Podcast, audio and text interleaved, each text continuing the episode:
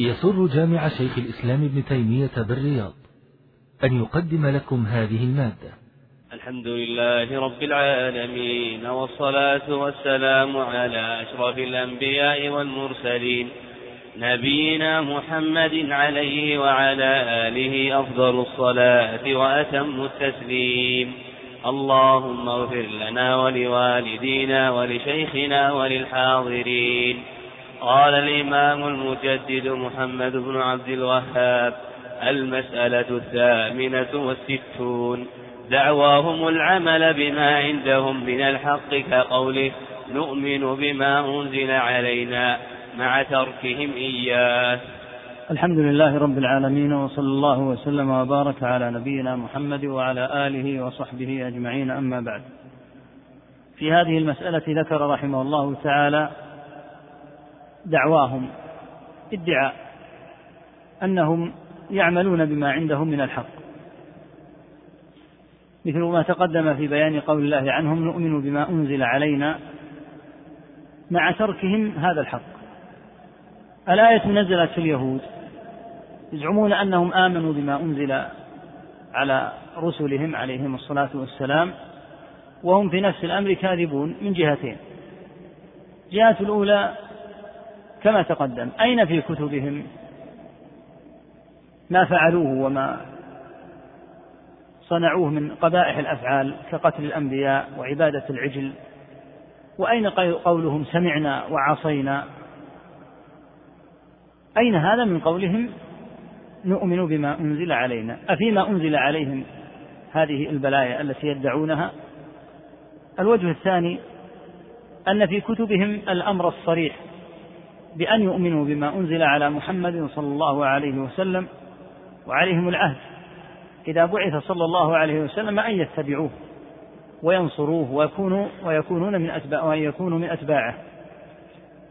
ومع ذلك تركوا ذلك مع أن محمدا صلى الله عليه وسلم أتى بنفس ما أتى به موسى وبنفس ما أتى به جميع الأنبياء قبله عليهم جميعا. الصلاة والسلام من جهة الاعتقاد. فالتوحيد كما قدمنا واحد.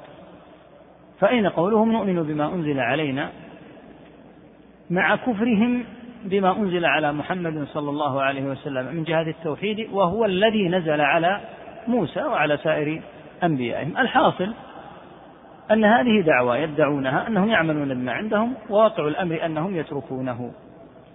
وإذا جمعت هذه الخلال والصفات الخبيثة في هؤلاء القوم وجدت أنهم من أسوأ عباد الله. قد كانوا متمنعين على أنبيائهم متعصين. بلغت بهم الجرأة كما تقدم حدا عبدوا معه العجل في حال حضور نبيين من أنبيائهم عليهم الصلاة والسلام. بلغت بهم الأمور أن يقتلوا الأنبياء عليهم الصلاة والسلام. بلغت بهم الأمور أن يقولوا سمعنا وعصينا.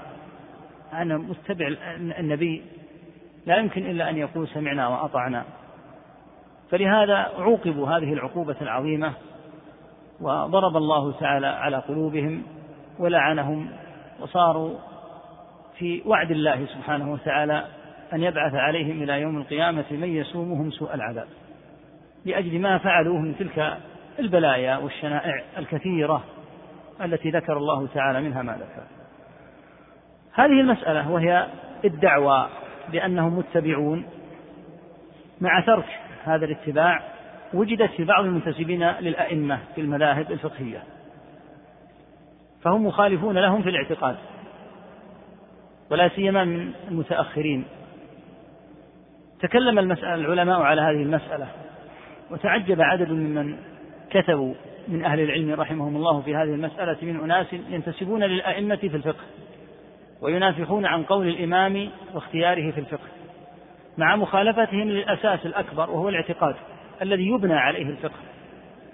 وللعلماء في هذا كلام نفيس ككلام الهروي وكلام السمعاني وكلام عدد. كيف ينتمي الإنسان إلى إمام عقيدته على عقيدة السلف ثم تكون عقيدته على عقيدة الجهمية أو المعتزلة أو الضلال أيا كانوا؟ فكانوا يقولون هذا كلام الأئمة وهذا كلامكم. فكيف تنتسبون إليهم مع ترككم مع ترككم للاعتقاد الذي كان عليه الأئمة؟ وهذه مسألة شريفة جدا ونفيسة وهي بالنسبة للدعاة إلى الله تعالى مما ينبغي أن يعتنى بها. فأئمة المذاهب رحمهم الله ينبغي أن تنقل عقيدتهم ويقال للمتأخرين ممن ينتمون إليهم. هذه عقيدة الأئمة. مثلا أنت تنتمي للإمام الشافعي رحمه الله. هذا كتاب الأم هذا كتاب الرسالة للإمام الشافعي. هذه المرويات الثابتة الصحيحة عن الإمام الشافعي. هذه عقيدته. هل هذه العقيدة التي عليها الشافعي هي نفس العقيدة التي أنت عليها الآن؟ هذه كما قلنا فيها فائدة عظيمة تجلي للمسلمين. حقيقة عقيدة الأئمة الأربعة رحمهم الله وغيرهم من أئمة الإسلام. ينبغي أن تجلى وتبين وتوضح حتى يعلم الذين ينتمون إليهم ممن خالفوهم أنهم خالفوا الأئمة. فإن كانوا صادقين في الانتماء إليهم فليرجعوا عن مخالفتهم لهم. نعم. المسألة التاسعة والستون. الزيادة في العبادة كفعلهم يوم عاشوراء كفعلهم؟ كفعلهم يوم عاشوراء المسألة السبعون. نقصهم منها كتركهم الوقوف بعرفة. العبادة كما نعلم قد بينها النبي صلى الله عليه وسلم ووضحها فبين وقتها وهيئتها والصيغة التي تكون بها. وإذا كانت من ذوات الأسباب بين صلى الله عليه وسلم سببها. فليس لأحد كائنا من كان أن يزيد على الحد الشرعي المبين في سنة رسول الله صلى الله عليه وسلم ولا ينقص. قال صلى الله عليه وسلم صلوا كما رأيتموني أصلي. هذا في الصلاة. وفي الحج قال خذوا عني مناسككم. فيجب التزام هديه صلى الله عليه وسلم وعدم الزيادة عليه أو النقصان منه. ولهذا كان من أعظم ما يتقرب إلى الله تعالى به لمن أصلح الله تعالى نيته أن يتعلم العلم. يتعلم ما كان عليه رسول الله صلى الله عليه وسلم ويبثه في الأمة مخلصا لله ويكون عاملا به. هذا من أشرف بل هذا أعظم الأعمال التي يتقرب إلى الله تعالى عز وجل بها من النوافل.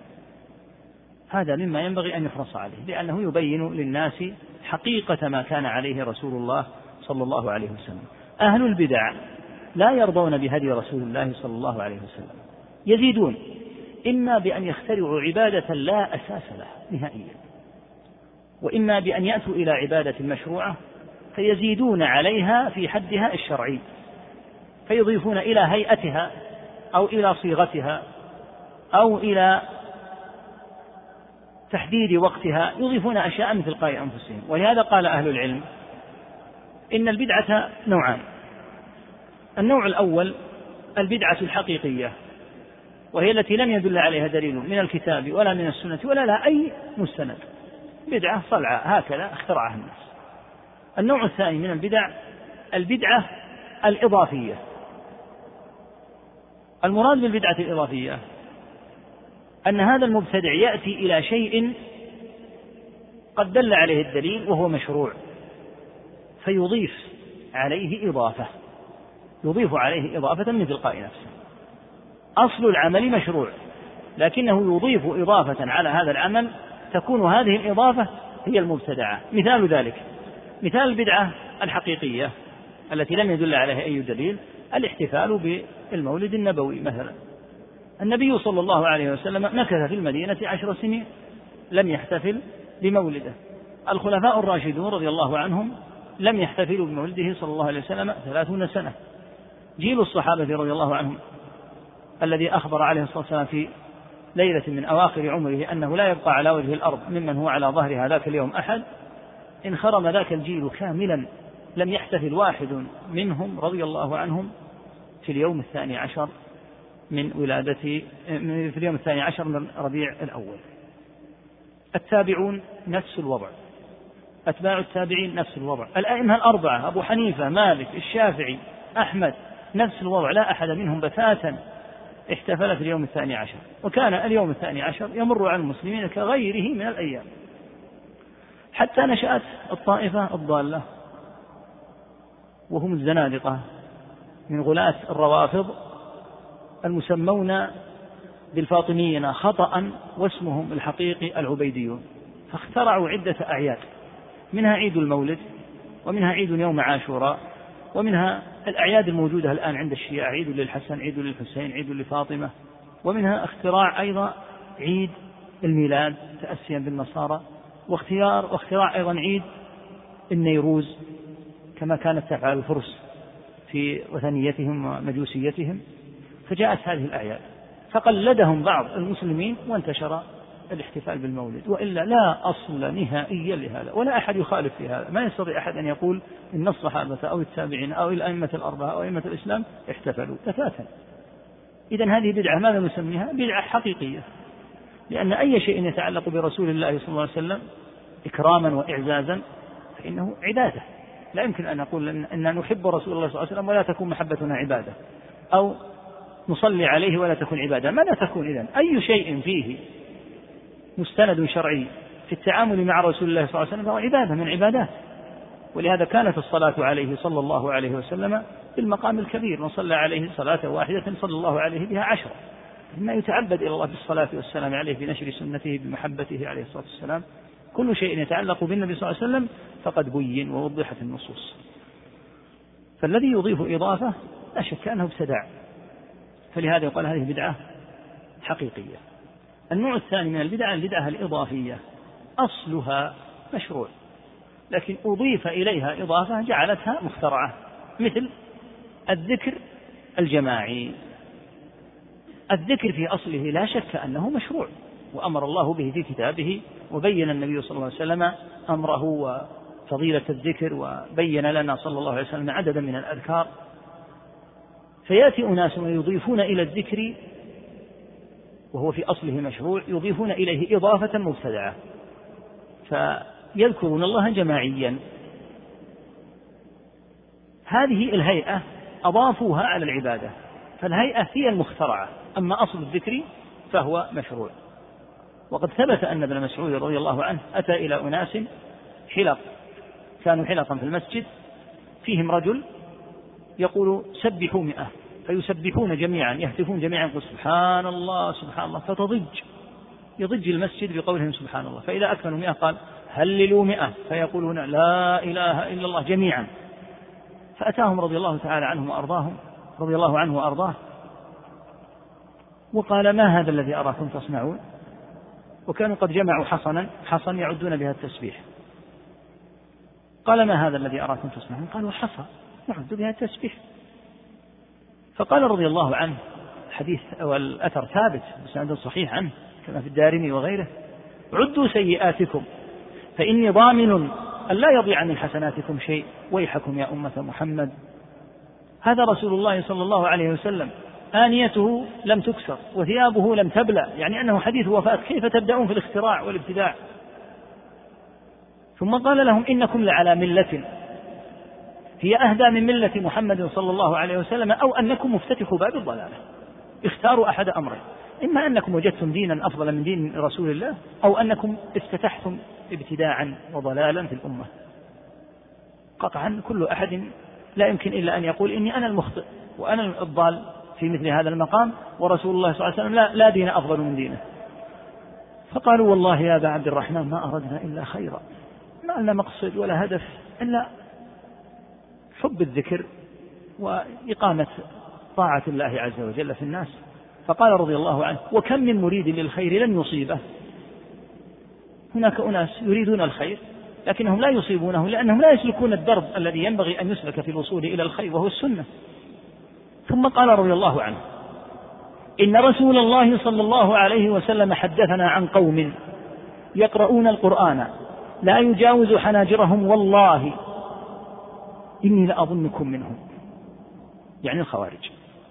يقول الراوي وأظنه عمرو بن ميمون وغيره فلقد رأيت عامة تلك الحلق يطاعنوننا يوم النهروان يعني أنهم صاروا بالفعل كما توقع ابن مسعود لما قال والله إني لأظنكم منهم تطور الابتداع حتى صاروا خوارج وقاتلوا علي رضي الله عنه يوم النهروان فالحاصل أن الواجب على المسلم أن لا يزيد على العبادة.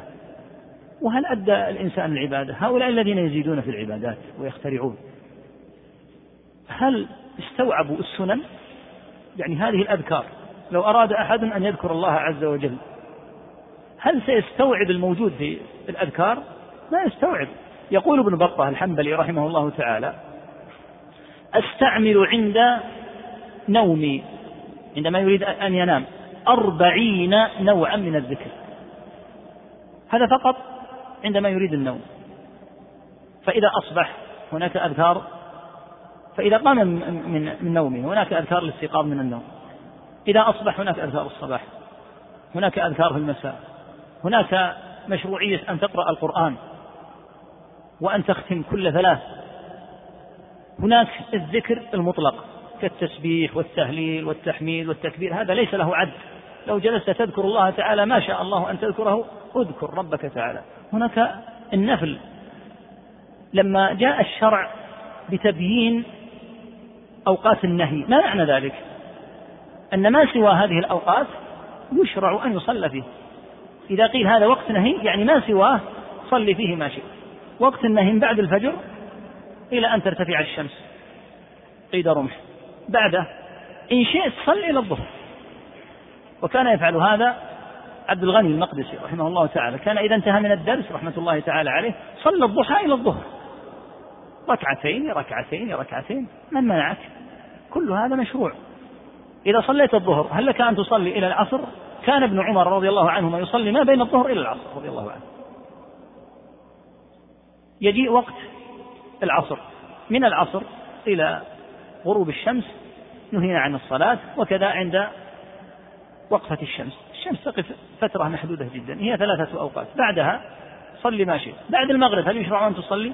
لك أن تصلي بعد المغرب إلى العشاء ولك أن تصلي من العشاء إلى الفجر لكن ليس لك أن تبقى دون نوم. تنام من الليل ما شاء الله. تريد أن تصلي؟ نم من الليل ما شاء الله. كان النبي صلى الله عليه وسلم ينام إلى نصف الليل كما قال تعالى قم الليل إلا قليلا نصفه أو ينقص منه قليلا. فكان يستيقظ صلى الله عليه وسلم عند نصف الليل. نصف الليل يتفاوت. تارة يكون عند في وقت في بلدنا هذا تارة يكون عند الحادية عشرة وتارة عند قبل الحادية عشرة بقليل وتارة بعدها بقليل. هذا منتصف الليل. لأن منتصف الليل أن تنظر إلى غروب الشمس وطلوع الفجر وتقسمه نصفين فهذا منتصف الليل. صلي إلى الفجر. فالأذكار والعبادات كثيرة. لماذا يزيد الناس؟ لن يستوعبوا أصلا هذه الأذكار وهذه العبادات. ولو أن إنسانا تفرغ تفرغا لا يمكن أن يأتي على جميع الأذكار في كل الأوقات. لهذا شرع للعباد أن ينوعوا. فتارة يستعمل هذا الذكر وتارة يستعمل هذا الذكر. لأن الأذكار كثيرة جدا وهذا من نعمة الله. حتى إنه صلى الله عليه وسلم كان يصلي في سفره على الراحلة.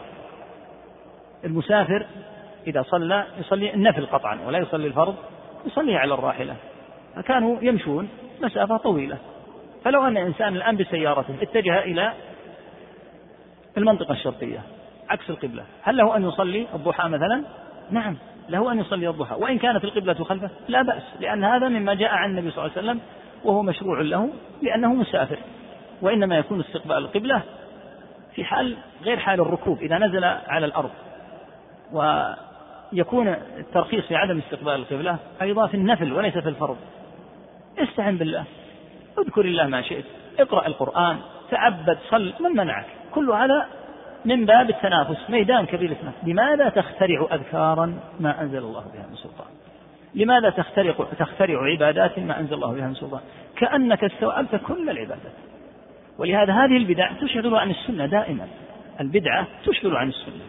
فيشتغلون بهذه البدع مما يؤدي إلى ذوبان وضياع وغربة السنة وعدم معرفتها. فالحاصل أن هذه الطريقة وهي زيادة البدعة من الضلالات. قال كفعلهم يوم عاشوراء. يعني كما يفعل الرافضة يوم عاشوراء مثلا.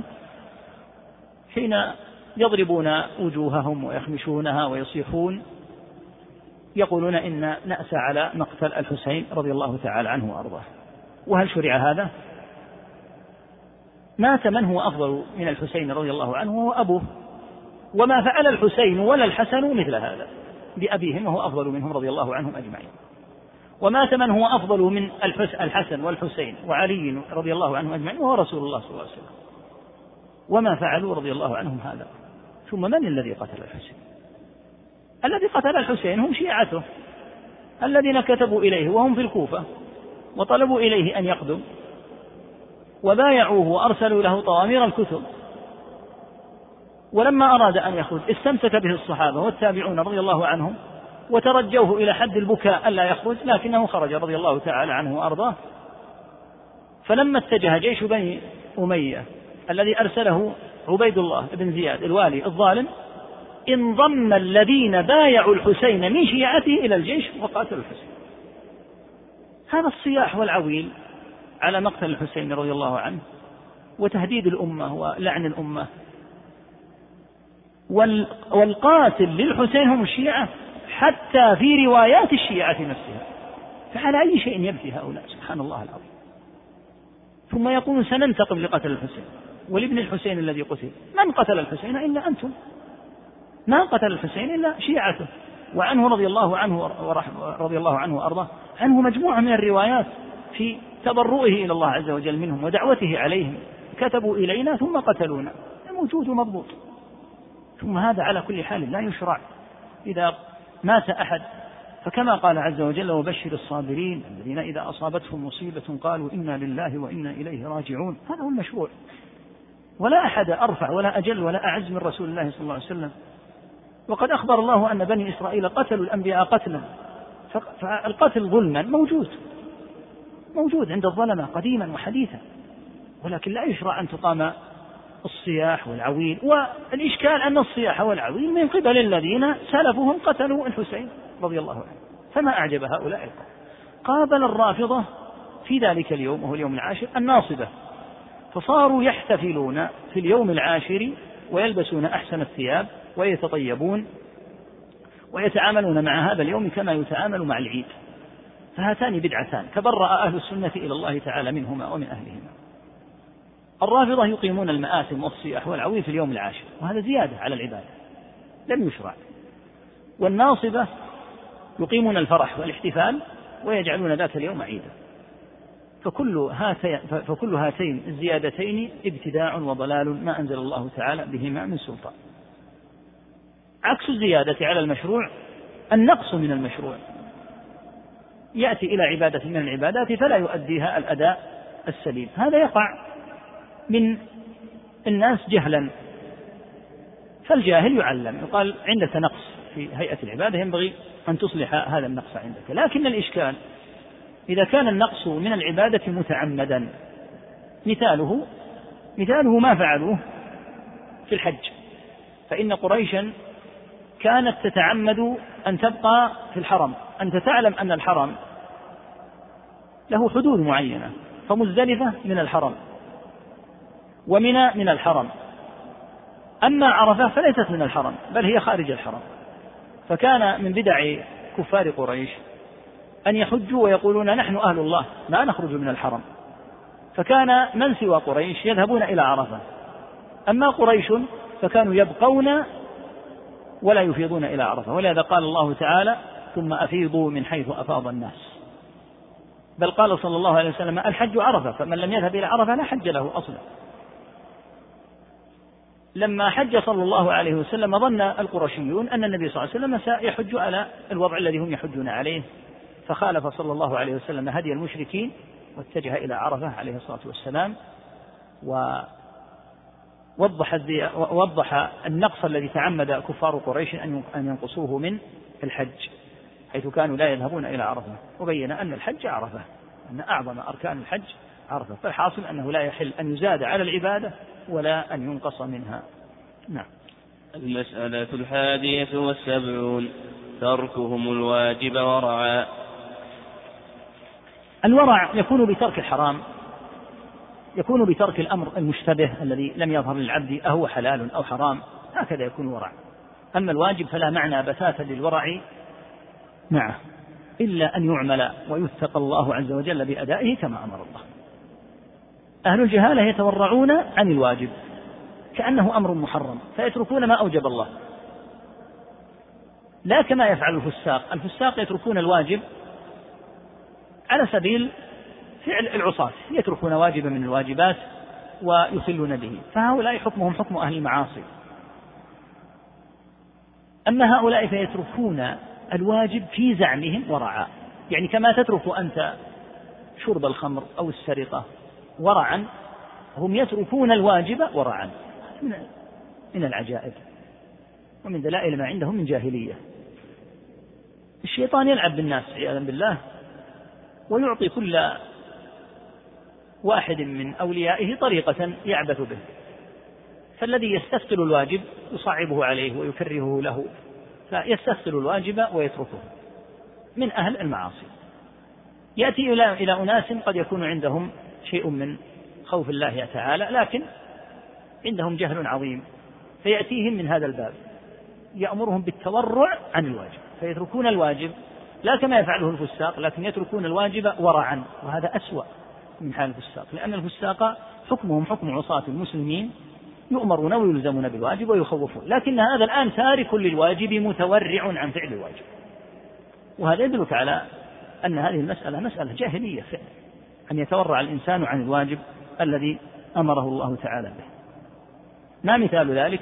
مثال ذلك ما قدمنا من طواف كفار قريش بالبيت عراة. لماذا تطوفون عراة؟ قالوا لأن هذه ثياب عصينا الله تعالى فيها. فنتورع أن نطوف بالبيت في ثياب عصينا الله فيها. فماذا يفعلون؟ يطوفون عراة ويتركون ما أوجب الله من الستر. هكذا يتورعون في زعمهم. هناك طائفة من الصوفية تسمى طائفة الملامية أو الملامتية. يتعمدون أن يظهروا مخالفة الشرع حتى يلومهم الناس هربا من الرياء. أعوذ بالله من الشيطان. كيف لا كيف لعب بهم الشيطان؟ يتركون ما أوجب الله حتى يلومهم الناس وحتى يقول الناس أنتم مخطئون. يقولون هذا أفضل. حتى لا نكون مرائين. ويعملون المعصية ويظهرونها حتى يلومهم الناس. تسموا بالملامية أو بالملامتية. يظهرون هذه المخالفات الشرعية في زعمهم ورعا في زعمهم آه، خوفا من الرياء. فهذا كله من حيل الشيطان وقلنا إن الشيطان يعطي كل أحد يعطي كل أحد بحسبه.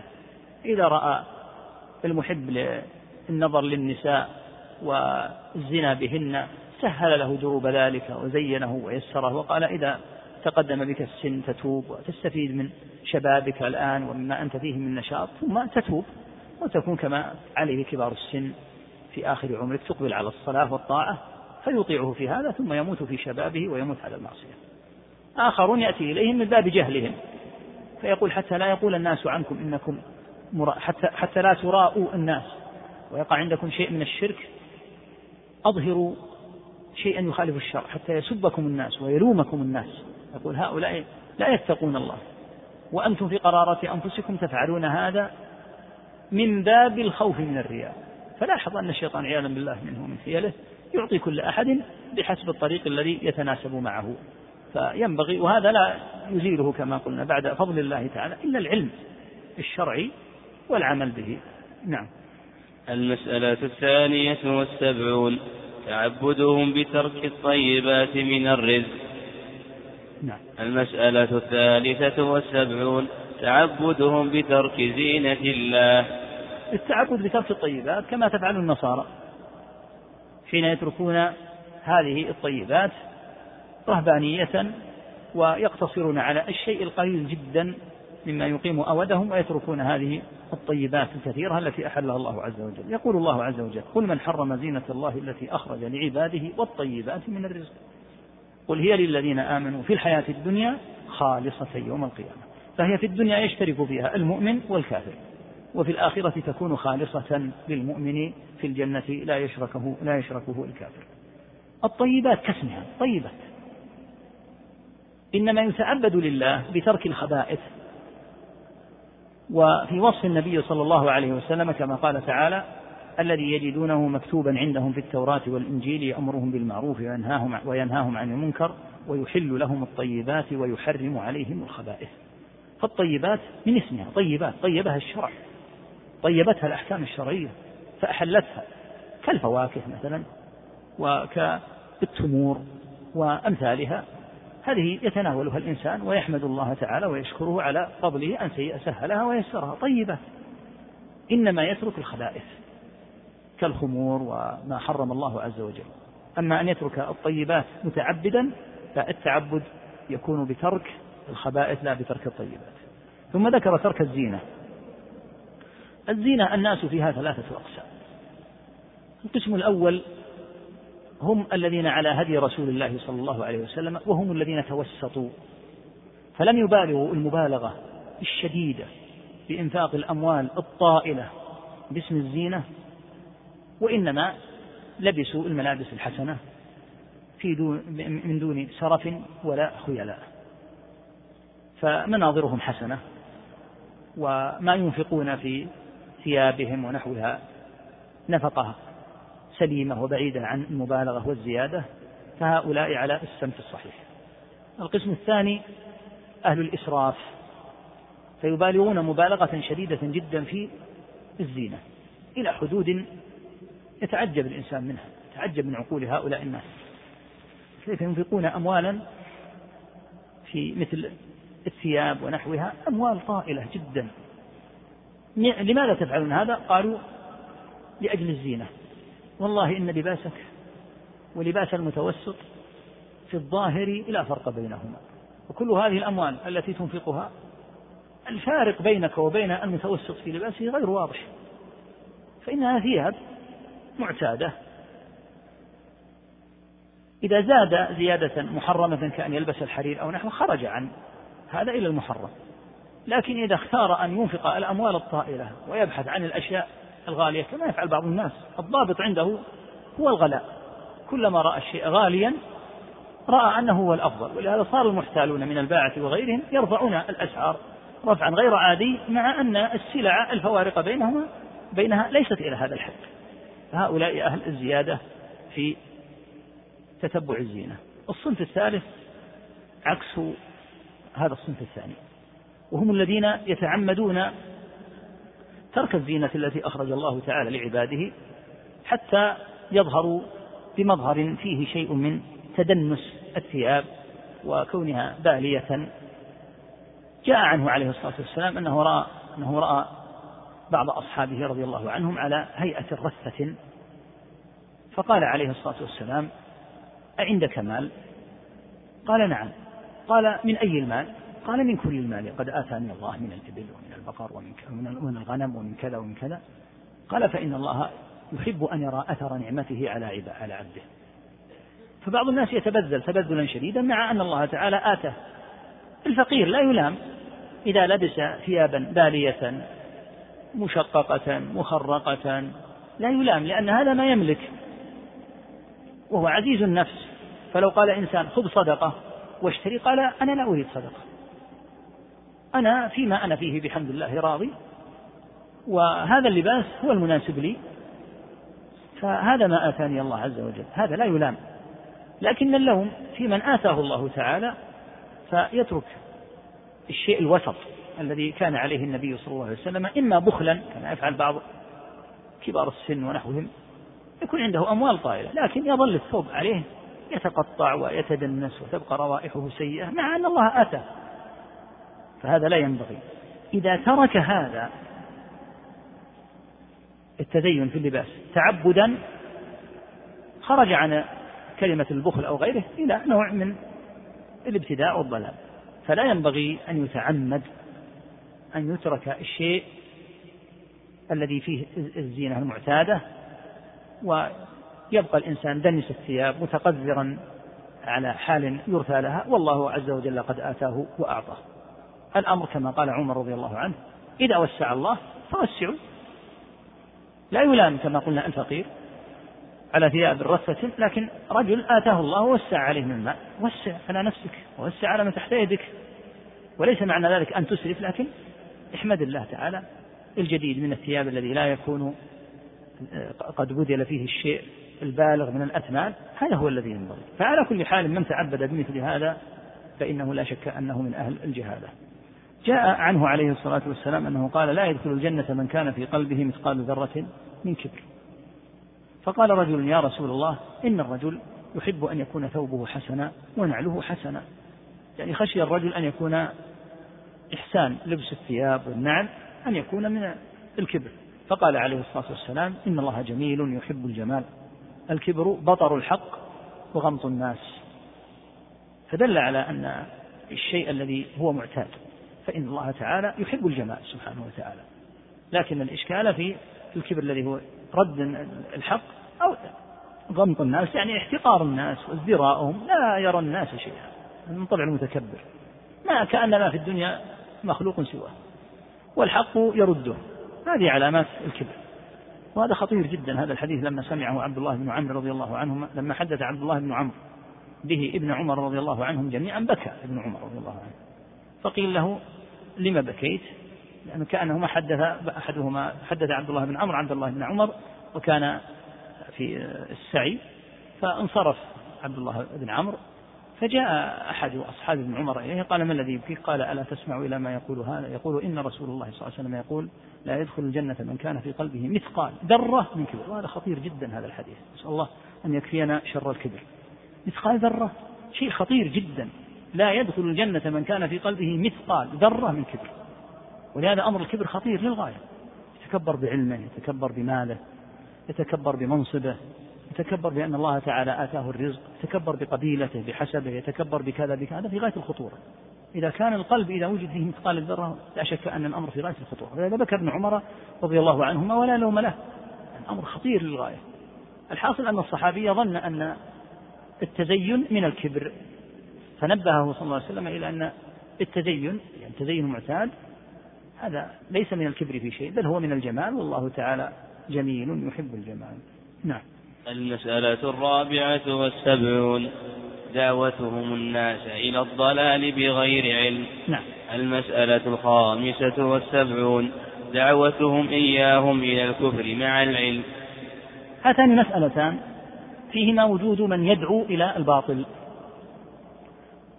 فمن الناس من يدعو إلى الضلال وربما دعا إلى الكفر وهو جاهل.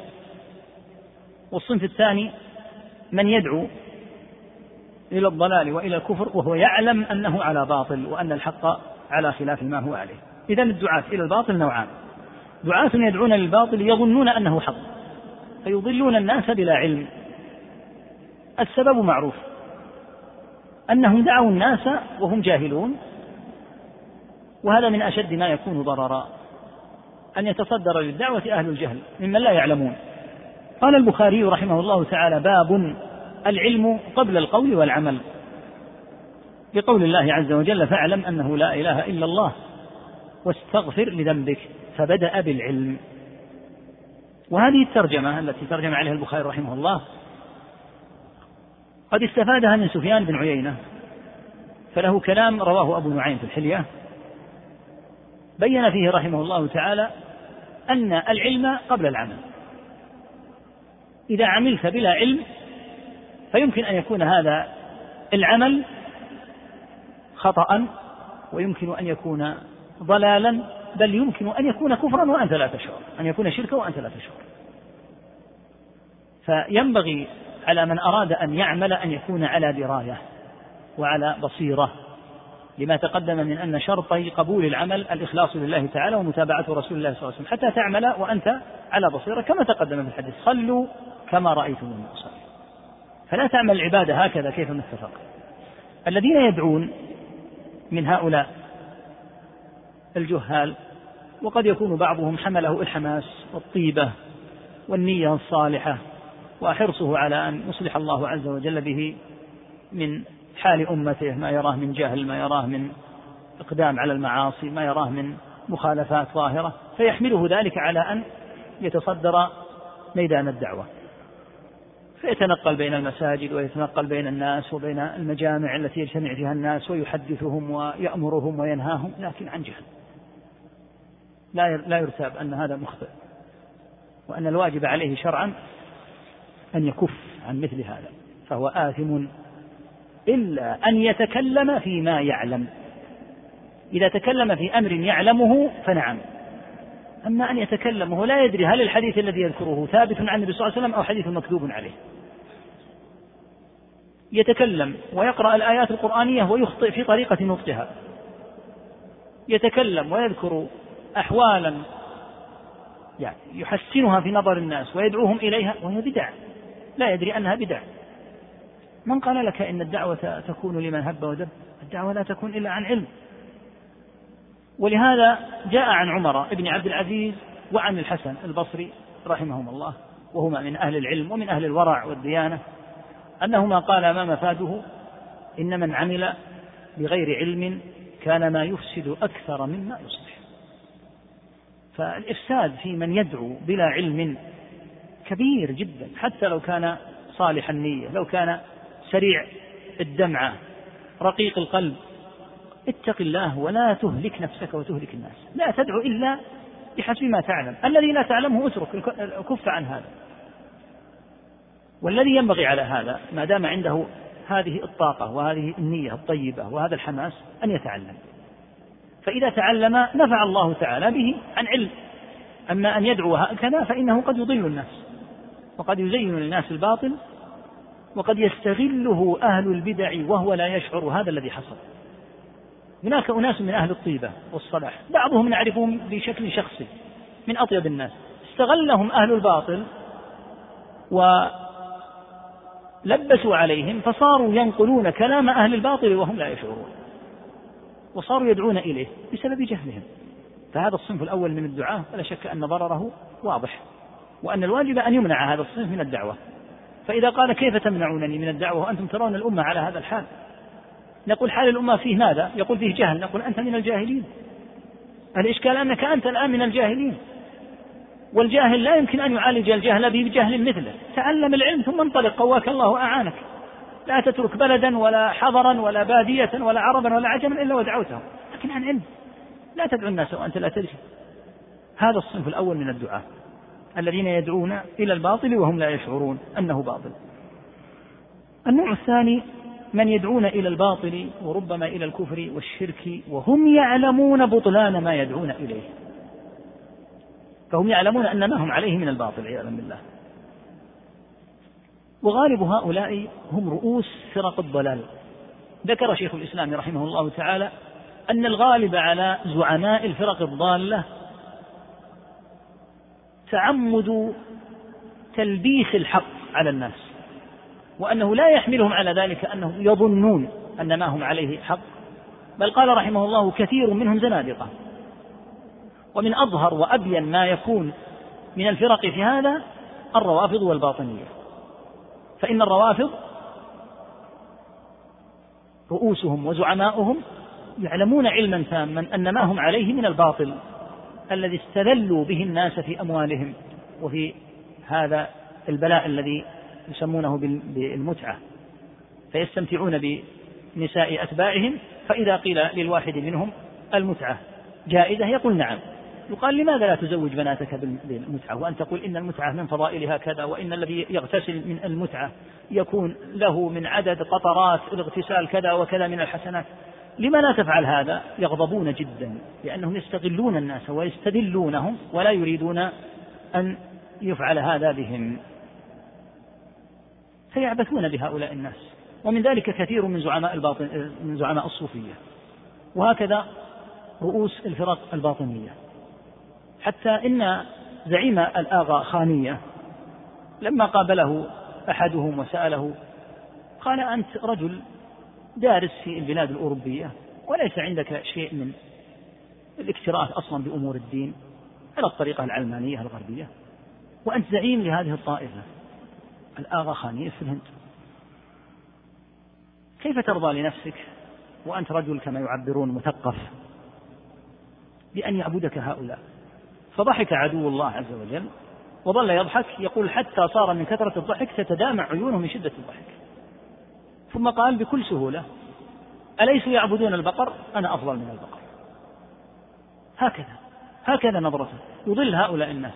ماذا يفعل بالناس؟ استدلال. إذا مات أحد من الآغاخانية وأراد وأرادوا أن يدفنوه في المقبرة يدفع رسما إذا ولد له مولود يدفع رسما لزعيم الطائفة هذه. وأشياء كثيرة كأنها ضرائب الدول. ضريبة مقابل كذا وضريبة مقابل كذا وضريبة مقابل كذا صار يأخذ منهم هذه الضرائب. وهو يعلم أنه على باطل وأن عبادته باطل حتى إنه كان يضحك ويسخر. يقول أنا أفضل من البقر التي تعبد في الهند فليعبدوني ويستدل الناس. لهذا قال شيخ الإسلام رحمه الله إن كثيرا من رؤساء هذه الفرق زنادقة في الواقع. يستغلون هؤلاء الرعاع وهؤلاء الهمج ويعبثون بهم. هذا هو الواقع من كثير منهم. وقد قدمنا في بيان قوله تعالى إن كثيرا من الأحبار والرهبان ليأكلون أموال الناس بالباطل ويصدون ويصدون عن سبيل الله. فصار الصد عن سبيل الله طريق من طرق أكل أموال الناس بالباطل. ولو أن الناس أفاقوا وعرفوا طريق الله عز وجل لما أكلوا بالباطل. متى سمعت من علماء أهل السنة من قال للناس أنا أعلمكم أعطوني مالا. لو قيل هذا من قبل أحد من أهل السنة لقال له أهل السنة ومتى كان العلم يؤخذ عليه مال أصلا؟ متى كانت الدعوة يؤخذ عليها مال؟ أنت بدعوتك هذه من أهل الباطل ومن أهل الضلال لأن السنة تأبى هذا أصلا. السنة لا تأتي فيها هذه الاستغلالات. إذ هي إما بالمجان تبذل لله عز وجل وإلا لا تدعو. إن كنت لم تعلم الناس حتى تأخذ من هؤلاء الضعفاء ومن هؤلاء المساكين أموالا بناء على ماذا؟ إن كنت تريد تعليمهم لله عز وجل فعلمهم وإن كنت تريد مالا فاذهب أمامك الأسواق وأمامك التجارة. دعوة إلى الله ليست حرفة. العلم ليس حرفة يؤخذ من الناس. فتقول أنا علمتكم القرآن أنا علمتكم كذا أستحق كذا. ولا يعني ذلك أن أخذ الأجر على تعليم القرآن لا يجوز. يجوز لكن يؤخذ من بيت المال كما يقول أهل العلم. هناك ما يسمى بالرزق. كان زمن السلف. الرزق بأن يعطى هذا المتفرغ مثلا للقضاء يعطى هذا المتفرغ لبث العلم الذي ليس عنده إلا هذا لأنه أشغل عن العلم. كما يحصل الآن التعليم في الجامعات ونحوه هذه لا تؤخذ من الناس ولكن هو مثل الموظفين الآخرين يأخذ مقابل عمله في الدوام من كذا إلى كذا يأخذ عنه مقابلا كما يأخذ غيره لكن لا يأخذ من الناس. وإنما أعطي هذا الذي سمي بالرزق. قال أهل العلم لا لأنه يبذل المال. يقال علم السنة وخذ على تعليم السنة ماذا. قالوا يعطى لأجل أنه اشتغل في وقته عن النفقة على أولاده. فلما كان القاضي يذهب ويبقى أمام عند الناس ينتظر الخصوم ولا يذهب ليشتغل ويحترف كان من المتعين أن يعطى من بيت المال. لأنه لو ذهب واحترف وصار يسافر إذا أتى الناس إلى القاضي قالوا القاضي مسافر عنده تجارة ذهب إلى الشام ذهب إلى كذا. متى يقف الناس عنده؟ قال سيرجع ابقوا في قضاياكم حتى يرجع بعد شهر. فلهذا قال أهل العلم إن مثل هذه الأمور كالولايات الشرعية والقضاء والمناصب التي تكون يكون فيها شيء من مثل هذا الذي ذكرناه لا يعطى لأنه يبذل لكن يعطى لأنه يبذل العلم ونحوه ولكن يعطى لأجل وقته. ولهذا جاء أن أبا بكر رضي الله تعالى عنه وأرضاه لما تولى أراد الدخول إلى السوق لأنه كان تاجر رضي الله عنه. فقيل له أين يا خليفة رسول الله؟ قال من أين أطعم أهلي؟ فقالوا رضي الله عنهم عمر ومن معه تبقى وتعطى أي مقابل بقائك في هذا الوقت. يعني كان يتاجر في السوق في السابق. يذهب من الصباح ويتجر ويسافر ويذهب قال تبقى وتعطى مقابل بقائك يعني مقابل ذلك الوقت الذي اقتطعناه هذا هو المقصود بالرزق الذي يعطى هؤلاء ولا يجمع من الناس إنما بيت المال. يجب أن يكون هذا من مصارف بيت المال. قال أهل العلم القضاة والولاة وأمثالهم ومن ينقطعون لتعليم الناس انقطاعا لتعليم الناس كالذي يعلم في المدارس وفي الجامعات ونحوهم هؤلاء يعطون من بيت المال نظير ما اقتطعوا من أوقاتهم. لا نظير أنهم يحكمون بالشرع مثلا لا. لكن نظير ما اقتطعوا من أوقاتهم. الحاصل أن ثمة فرقا كبيرا بين من يدعو إلى الباطل متعمدا وعالما بأنه من أهل الباطل وبين الصنف الأول. الصنف الأول الذين يدعون إلى الباطل وهم لا يشعرون إذا كانوا صادقي النية. إذا علموا تفطنوا وتركوا الباطل. أما هؤلاء ما الحيلة فيهم؟ الصنف الثاني الذي يعلم الناس الباطل ويدعوهم إلى الكفر وإلى الضلال وهو يعلم أنه على كفر وعلى ضلال هذا لا حيلة فيه. لأنه يعلم الحق. كما قال تعالى في نبي الله صلى الله عليه وسلم في خصومهم في خصمته مع أعدائه فإنهم لا يكذبونك ولكن الظالمين بآيات الله يجحدون. هؤلاء ما الحيلة فيهم؟ الشخص الذي لم تتضح له الأمور توضح له وتبين له لكن الإشكال في من يعلم أن رسول الله صلى الله عليه وسلم على حق ومع ذلك يجحد فإنهم لا يكذبونك ولكن الظالمين بآيات الله يجحدون فالحاصل أن هذا الصنف أخبث من الصنف الأول لأنه متعمد إضلال الناس وإفساد دينهم. نعم. المسألة السادسة والسبعون المكر الكبار كفعل قوم نوح. لا أرى حاجة للتوسع في هذه المسألة لأن تكلمنا عليها بالأمس بتوسع طويل. وقلنا إن على المسلمين أن يتفطنوا إلى هذا المكر العظيم الذي يحيكه أعداء الله تعالى من اليهود والنصارى ويحيكه ملاحدة الشرق والغرب ويحيكه الروافض أيضا بأمة الإسلام ويخططون على هذه الأمة تخطيطا هائلا تارة يتفقون ويتواطؤون فيما بينهم وتارة هؤلاء يعملون وحدهم وأولئك يعملون وحدهم. فالمكر كبير جدا بالأمة. المكر عظيم للغاية ولهذا يجب الفطنة والحذر. ولا سيما من أهل العلم وأهل البصيرة لأن الناس تبع لهم فيكونون على دراية وعلى تفطن حتى ينتبهوا هم وينبهوا غيرهم. ما المراد بالمكر الكبار؟ المكر الكبار قيل إن المراد به كما قال مجاهد هو المكر العظيم. وقال ابن زيد الكبار المكر الكبير والمعنى يعني متقاربان فهو مكر عظيم يمكر به أهل الكفر والضلال. وقال كفعل قوم نوح. قوم نوح لما ذكرهم الله تعالى قال وقوم نوح من قبل إنهم كانوا هم أظلم وأطغى فكانوا في غاية الطغيان والظلم. ومكث فيهم نبي الله ألف عليه الصلاة والسلام ألف سنة إلا خمسين عاما ومع ذلك قال تعالى وما آمن معه إلا قليل. وكانوا أهل مكر وأهل تحايل وأهل شر. فأصحاب المكر سلفهم الخبيث قوم نوح الذين أغرق الله أغرقهم الله عز وجل وجعلهم عبرة مما خطيئاتهم أغرقوا فأدخلوا نارا فلم يجدوا لهم من دون الله أنصارا. فالمكر الكبار هذا معناه وهو موجود كما قلنا والواجب أن يتفطن له وينتبه له غاية الانتباه وأن يكون أهل الإسلام على حال كبير من التيقظ للروافض ومخططاتهم لليهود والنصارى ومخططاتهم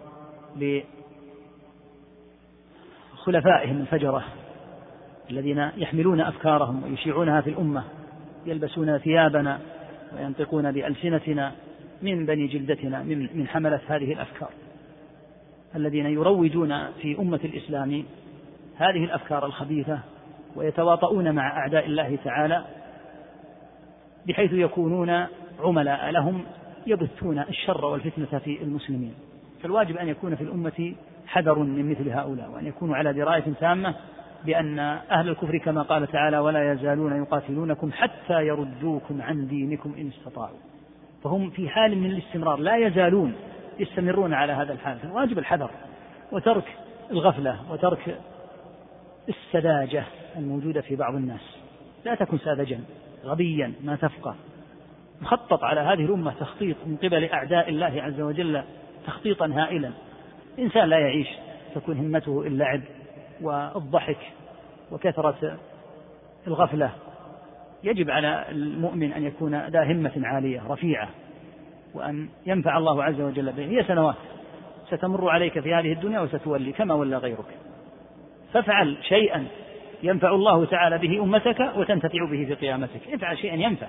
كثير من الناس لا نفع فيه. يعيش سنين لا نفع فيه. إنما إن وجد خير منه فهو مقصور على نفسه. مع أنه يمكن أن يتعدى غيره خيره إلى غيره. فينبغي أن ينفع الإنسان وأن يحرص على أن يرفع عن هذه الأمة ما استطاع من المذلة ومن الشر الذي يحاك لها نسأل الله أن يرد كيد الكائدين في نحورهم نعم. المسألة السابعة والسبعون. أن أئمتهم إما عالم فاجر وإما عابد جاهل كما في قوله وقد كان فريق منهم يسمعون كلام الله إلى قوله ومنهم أميون كذا عندك نقل ما أكملت الآية؟ طيب. يقول رحمه الله أهل الجاهلية يأتسون بصنفين اثنين. إما عالم فاجر وإما عابد جاهل. والعالم الفاجر هو العالم الذي تعلم العلم ولكنه لا يعمل بعلمه. يتعلم العلم ويعرف الأمور ويدريها لكنه عياذا بالله لم ينتفع من علمه. وهذا من الخطر الكبير جدا على من يدرسون العلم الشرعي. ينبغي أن يصاح بهذا ويجهر بهذا وأن يحذر من هذا. العلم الشرعي جاء إليه كثيرون ولا سيما بعد أن صار فيه شهادات يترتب على الشهادات وظائف ويترتب عليها ظهور في المجتمع ومناصب ونحو ذلك. فتعلموا العلم لغير الله لا يريدون العمل. فصاروا يعملون يعلمون ولا يعملون. ومنهم صنف وهو المذكور هنا. استغل علمه والعياذ بالله في الشر. وصار يوجد الشبه والإشكالات على الناس مستفيدا مما تعلم. ولهذا قال أن أئمتهم إما عالم فاجر وهو هذا الصنف الذي تعلم العلم. وقال عليه الصلاة والسلام أخوف ما أخاف على أمتي كل منافق عليم اللسان. يكون عنده شيء من التعلم ولكنه في واقع الأمر منافق عياذا بالله.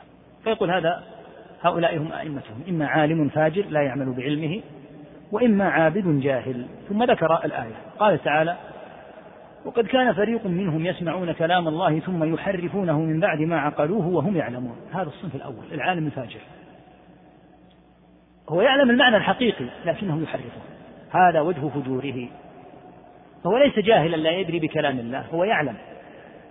يسمعون كلام الله ويعلمون أن معنى كلام الله هو كذا فيحرفون المعنى. مستغلين علمهم لأنهم فجار فلم ينتفعوا بعلمهم. الصنف الثاني العابد الجاهل وهو المذكور في قوله ومنهم أميون لا يعلمون الكتاب إلا أماني. فسرت الأماني بالقراءة يعني أنه يقرأ القرآن قراءة لا يفهم المعنى وإنما هي مجرد قراءة. وفسرت بالأماني جمع الأمنية. كما يأتي عليها كلام إن شاء الله تعالى في مسألة آتية.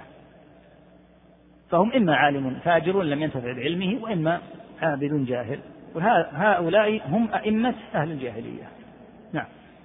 المسألة الثامنة والسبعون دعواهم أنهم أولياء الله من دون الناس. المسألة؟ الثامنة والسبعون نعم دعواهم. دعواهم أنهم أولياء الله من دون الناس. المسألة التاسعة. نعم المسألة التاسعة والسبعون. دعواهم محبة الله مع ترك شرعه مع تركهم شرعه. فطالبهم الله بقوله إن كنتم تحبون الله. المسألة الأولى متعلقة بأنهم يدعون أنهم أولياء الله. أعدها أعدها. الثامنة المسألة الثامنة والسبعون دعواهم أنهم أولياء لله من دون الناس. هذا هذه الآية نزلت في اليهود. يدعون أنهم أولياء الله من دون الناس. ويزعمون والنصارى قالت اليهود والنصارى نحن أولياء الله وأحباؤه. فيزعمون أنهم من بين الناس كلهم هم أولياء الله تعالى.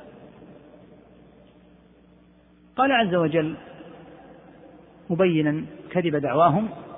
فتمنوا الموت إن كنتم صادقين.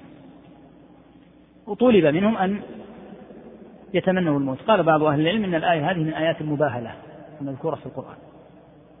يعني حتى إذا تمنيتم الموت وأنتم أولياء الله ولي الله يحب لقاء الله تمنوا الموت. فلو تمنوه لأهلكهم الله لكنهم خافوا أن تحل بهم الوفاة لو أنهم تمنوها. فدعوى أنهم أولياء الله من دون الناس. يعني أن اليهود يقول هذا شيء خاص بنا. نحن أولياء الله من دون غيرنا. مع أنهم كما تقدم مرات كثيرة في المسائل السابقة قد خالفوا أنبياءهم ونحوه. فيقال الذين كانوا على على دين موسى عليه الصلاة والسلام في وقت موسى مستمسكون به هؤلاء أولياء الله. والذين في زمن نوح مستمسكون به هؤلاء أولياء الله. والذين في زمن محمد صلى الله عليه وسلم وما بعده إلى قيام الساعة الذين تبعوه صلى الله عليه وسلم هم أولياء الله. فمن لم يؤمن به صلى الله عليه وسلم فهو عدو الله لأنه قد خالف ما أمر الله تعالى به من اتباع هذا النبي الكريم. فهذه الدعاوى يدعونها أنهم أولياء لله من دون الناس. المسألة التي بعدها ادعاهم أنهم يحبون الله تعالى مع مخالفتهم الشرع فيقول إني أحب الله ودعوى محبة الله هذه يدعيها كل أحد. حتى اليهود والنصارى بل حتى كفار قريش كلهم يدعون أنهم يحبون الله. فطالبهم الله تعالى بالبرهان. أين البرهان؟ في قوله تعالى قل إن كنتم تحبون الله فاتبعوني يحببكم الله ويغفر لكم ذنوبكم. فعلامة محبة الله الصادقة الحقيقية أن يتبع النبي الذي أرسله. يرسل لك رسول من قبل هذا الذي تقول إنك تحبه تعالى. ثم تخالفه. لو كنت صادقا لاتبعته فعلامة وآية المحبة الحقيقية لله تعالى أن يتبع رسوله صلى الله عليه وسلم. أما ادعاء المحبة مع المخالفة فهذه دعاوى الكذابين. إن المحب لمن يحب مطيع. تعصي الإله وأنت تزعم حبه. هذا لعمري في القياس بديع. لو كان حبك صادقا لأطعته. إن المحب لمن يحب مطيع. فإن كنت تحب الله تعالى فأطعه. أما أن تدعي محبة الله تعالى مع تظاهرك وبروزك واستعلانك بإظهار معاصيه فأي محبة هذه؟ هذه دعوى الكذابين. نعم. المسألة الثمانون تمنيهم الأماني الكاذبة كقوله تمنيهم الأمانية. المسألة الثمانون تمنيهم الأماني الكاذبة كقوله لهم لن تمسنا النار إلا أياما معدودة. وقولهم لن يدخل الجنة إلا من كان هودا أو نصارى العبرة كما هو معلوم بما دل عليه الدليل والنص البين الواضح من كلام الله وكلام رسوله صلى الله عليه وسلم. أما الأماني فبحر لا ساحل له. يتكئ الإنسان هكذا ويتمنى أماني وأن يكون كذا ويحصل كذا وسيحصل كذا. الأماني هذه لا نهاية لها. قال الله تعالى مبينا ما يضل به الشيطان الناس. وما ذكره مستعدا به للناس. قال ولأضلنهم ولأمنينهم. الأماني هذه أهلكت كثيرين يتمنى أنه إذا تقدم به السن سيتوب. ولكن في شبيبته سيعصي الله فيستمر على ما هو عليه فيهلك وهو على المعاصي. يتمنى الأماني الطويلة العريضة التي لا تنال ولا تتحقق ويفتح على نفسه هذا الباب فيضر نفسه وصاحب الأماني لا ينتج أبدا. الذي رضي بالأماني والتخيلات وأنه سيقع كذا وسيحدث كذا وإذا حدث كذا سأفعل كذا. هذا يقتصر عليها. يمضي زمنه ودهره ولم ينفع.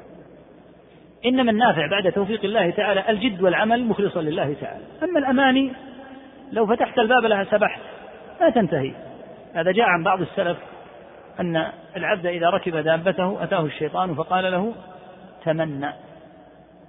فإن لم يتمنى قال له تغنى. يعني حتى يوقعه فيما لا نفع فيه إما أن يتغنى ويغني وإما أن يتمنى فينصرف عن الذكر وعن الشيء النافع. هذه الأماني كثيرة وقد ذكر الله تعالى من أماني أهل الكتاب أماني كثيرة. ثم بين سبحانه أن الأمر ليس بحسب أمانينا نحن ولا أماني أهل الكتاب فقال سبحانه ليس بأمانيكم ولا أماني أهل الكتاب. المسألة ليست أمانية. ما الحزم؟ ما الجزم؟ ما المؤكد؟ من يعمل سوءا يجزى به ولا يجد له من دون الله وليا ولا نصير. هذا هو الأمر المؤكد. ومن يعمل من الصالحات من ذكر أو أنثى وهو مؤمن فأولئك يدخلون الجنة ولا يظلمون نقيرا. هذا هو الوضع الحقيقي الصحيح. أما أمانينا أو أماني أهل الكتاب أو أماني أحد هذه المسألة ليست التي تحسم الأمور. ليس بأمانيكم ولا أماني أهل الكتاب. فالأمور ليست أماني وإنما هي كما بين الله سبحانه وتعالى. ذكر عندك بعض أماني أهل الكتاب. كقول اليهود لن تمسنا النار إلا أياما معدودة. جاء في الصحيح أنهم قالوا للنبي صلى الله عليه وسلم إن نكون في النار مدة ثم تخلفون فيها. فقال صلى الله عليه وسلم كذبتم والله لا نخلفكم فيها أبدا. فيظنون أن تلك الأفاعيل القبيحة والشنيعة من قتل الأنبياء وعبادة العجل والمعاصي والتمنع على أمر الله عز وجل يقول سنعاقب عليها مدة في النار ثم نخرج منها. أماني أماني. لن تمسنا النار إلا أياما معدودة. وهكذا قولهم لن يدخل الجنة إلا من كان هودا أو نصارى. ادعى اليهود أن الجنة خاصة بهم وادعى النصارى أن الجنة خاصة بهم. وهذه كما قلنا دعاوى الجنة عند الله تعالى. وقد بين تعالى أن الجنة لمن آمن وعمل صالحا. إن الذين آمنوا وعملوا الصالحات. هذا هو الضابط والذي بين الله تعالى به دخول الجنة بعد رحمته وفضله. مجرد العمل لن يدخل به أحد الجنة فكون اليهود يدعون أنهم هم الذين في الجنة وحدهم والنصارى يدعون أنهم في الجنة وحدهم يقال الصالحون الذين كانوا زمن عيسى. ممن تبع عيسى ولزم شرعه هؤلاء هم الذين في الجنة والذين كانوا من صالح بني إسرائيل زمن موسى أو زمن داود أو زمن سليمان أو غيرهم. ممن تبعوا أنبياءهم هؤلاء في الجنة. والصالحون زمن هود وصالح وشعيب ونوح. والصالحون وعلى رأسهم أصحاب رسول الله صلى الله عليه وسلم والتابعون ومن يأتي إلى قيام الساعة ممن لزم هدي النبي صلى الله عليه وسلم هؤلاء في الجنة. الجنة لا يقال إنها للعرب دون العجم أو للحاورة دون البادية لا يدعيها أحد. إنما هي دار أعدها الله تعالى كرامة لأوليائه. فمن أطاع الله تعالى ولزم ما كان عليه نبيه فإنه يكون من أهل الجنة. ولهذا نسأل الله الكريم فضله يجتمع أهل الجنة في الجنة من لدن آدم عليه الصلاة والسلام إلى آخر من كان من الثابتين في هذه الأمة يجتمعون جميعا في الجنة. من جميع الأصناف ومن جميع الأزمنة لكن كلهم أتباع نبي في وقته. أما إذا أتى نبي كمحمد صلى الله عليه وسلم وهو خاتم للأنبياء فالذي يزعم أنه متبع لنبي قبله لا يقبل منه كما تقدم في قوله تعالى ومن يبتغي غير الإسلام دينا فلن يقبل منه وهو في الآخرة من الخاسرين. لأن قلنا مرات عديدة. إن الأنبياء قبل محمد صلى الله عليه وسلم أخذوا على قومهم العهد. إذا بعث محمد صلى الله عليه وسلم أن يتبعوه. فمن لم يتبع محمدا صلى الله عليه وسلم بعد بعدما بعث فليس كافرا بمحمد صلى الله عليه وسلم وحده بل كافر بمحمد صلى الله عليه وسلم وبالنبي الذي أخذ عليه العهد أن يتبع محمدا صلى الله عليه وسلم. فالجنة ليست للعرب دون العجم لا ليست للحاضرة دون البادية ليست لمن كان في زمن دون زمن بل لمن أطاع الله تعالى واتبع رسله من لدن آدم إلى آخر من يتوفى من أهل الإسلام. يجتمعون جميعا في جنات النعيم. نسأل الله الكريم. نعم. المسألة الحادية والثمانون اتخاذ قبور أنبيائهم وصالحيهم مساجد. هذه من خصال أهل الجاهلية. ينبغي أن يعرف المراد باتخاذ القبور مساجد. كثيرا ما تسمع هذه الكلمة. ما المراد باتخاذ القبور مساجد؟ يراد بها معنيان. المعنى الأول البناء على القبور. يأتي إلى القبر ويبني عليه مسجدا هذا النوع الأول. النوع الثاني الصلاة عند القبور حتى لو لم يبنى عليها مسجد. فلو ذهب ليصلي الضحى مثلا في المقبرة فقد اتخذها مسجدا. حتى لو لم يبني مسجدا. لأن اتخاذ القبور مساجد لهذين النوعين لأن يبنى عليها بناء ومسجد والنوع الثاني أن يصلى عندها ولو لم يكن هناك مسجد.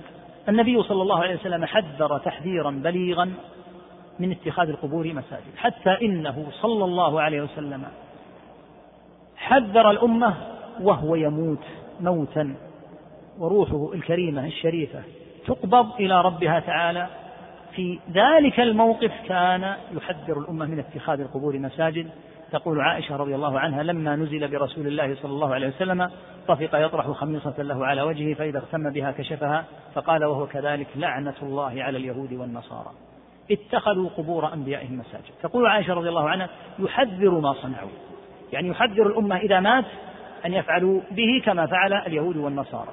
وإلا ما المناسبة في لعن اليهود والنصارى في هذا الموضع؟ تحذير الأمة.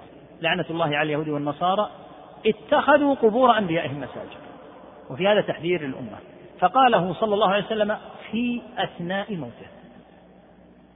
وقبل أن يموت بخمس كما في حديث جرير رضي الله عنه خرج صلى الله عليه وسلم عاصبا رأسه وخطب فيهم خطبة وكان قد أجهده المرض عليه الصلاة والسلام وكان ما مما قال في خطبته ألا وإن من كان قبلكم كانوا يتخذون قبور أنبيائهم مساجد ألا فلا تتخذوا القبور مساجد فإني أنهاكم عن ذلك.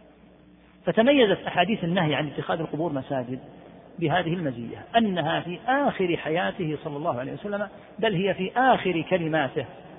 الكلمات التي قالها صلى الله عليه وسلم في آخر حياته معروفة. ولهذا لو أن بعض طلبة العلم تفرغ وجمع الأحاديث التي في الوفاة النبوية. والنبي صلى الله عليه وسلم مكث نحو الأسبوع ثم توفي صلوات الله وسلامه عليه. فلو ينظر في الأحاديث والأمور التي قالها صلى الله عليه وسلم ويصنف هذا مصنفا ينفع كثيرا. كان من آخر ما قال صلى الله عليه وسلم أيضا في أواخر حياته الصلاة الصلاة وما ملكت أيمانكم. فكان مما أوصى به عليه الصلاة والسلام الصلاة. مما حذر منه كما سمعت في حديث عائشة اتخاذ القبور مساجد. وهكذا جملة من الأمور. يكون من النافع للناس لو صنف مصنف في ذكر الأيام الأخيرة من حياته صلى الله عليه وسلم وما الذي أوصى به وما الذي نهى عنه صلوات الله تعالى وسلامه عليه. مع ذلك كله أبى أهل الجاهلية إلا العناد. ومع صراحة الأحاديث وكونها من آخر ما أوصى به أمته صلى الله عليه وسلم إلا أنهم عاندوا وأصروا وملأوا الدنيا بكل أسف بهذه البنايات. على القبور. حتى إنك ترى بناء شاهقا هائلا تظنه مسجدا وإذا به قد اتخذ على قبر من القبور. مع صريح وجلي النصوص في هذا. ومع أنها أحاديث صحيحة ثابتة. حتى قال صلى الله عليه وسلم إن من شرار الناس من تدركهم الساعة وهم أحياء والذين يتخذون القبور مساجد. الذين تدركهم الساعة وهم أحياء كفار. لأن الساعة لا تقوم بتاتا على مؤمن إنما تقوم على الكفار. قال والذين يتخذون القبور مساجد فقرنهم بأنهم شرار الخلق. وقال صلى الله عليه وسلم لما ذكرت له أم سلمة رضي الله عنها كنيسة رأتها بأرض الحبشة قال أولئك إذا مات فيهم الرجل الصالح بنوا على قبره مسجدا وصوروا فيه تلك الصور أولئك شرار الخلق عند الله. أحاديث صريحة جدا كلها في الصحيحين وأحاديث ثابتة في المسند وفي غيره ومع ذلك أصر هؤلاء على العناد. وأبوا إلا أن يتخذوا على هذه القبور المساجد ما النتيجة؟ النتيجة ما تراه. النتيجة التي لأجلها خاف صلى الله عليه وسلم على الأمة هو هذا. النتيجة استفحال الشرك وانتشاره. لأن القبور إذا عظمت وفخمت دخل في قلوب العامة تعظيم أهلها والظن بأن إلى أهل القبور عند أهل القبور رفع الحاجات وإجابة الطلبات.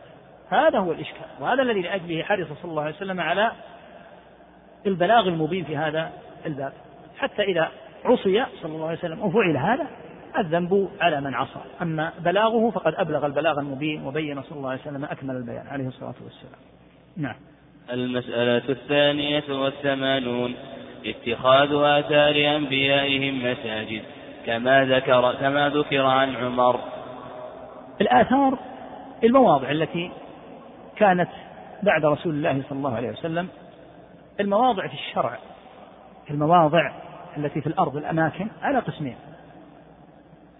القسم الأول مواضع خصها الشرع بخاصية معينة. فهذه يلزم فيها الشرع فيما خصه. مثال مثال مقام إبراهيم. قال تعالى واتخذوا من مقام إبراهيم مصلى فيشرع لمن طاف بالكعبة أن إذا تمكن ولم يكن هناك زحام يضر به غيره أن يأتي عند مقام إبراهيم ويصلي ركعتين بعد الطواف. ولا يشرع له أكثر من هذا أبدا. فالتمسح بالمقام لا شك أنه بدعة وقد كان السلف ينكرونه. فكان ابن الزبير رضي الله عنهما في مكة إذا رآهم يمسحون المقام قال إنما أمرتم بالصلاة عنده ولم تؤمروا بمسحه. يعني التزموا ما بين الشرع في هذا الموضع. أمرنا باتخاذ مقام إبراهيم مصلى. فالمواضع الموجودة في الأرض إما أن يخصها الشرع بخاصية معينة ويربط بها عمل معين كالصلاة عند المقام ونحو ذلك هذا هو النوع الأول من المواضع.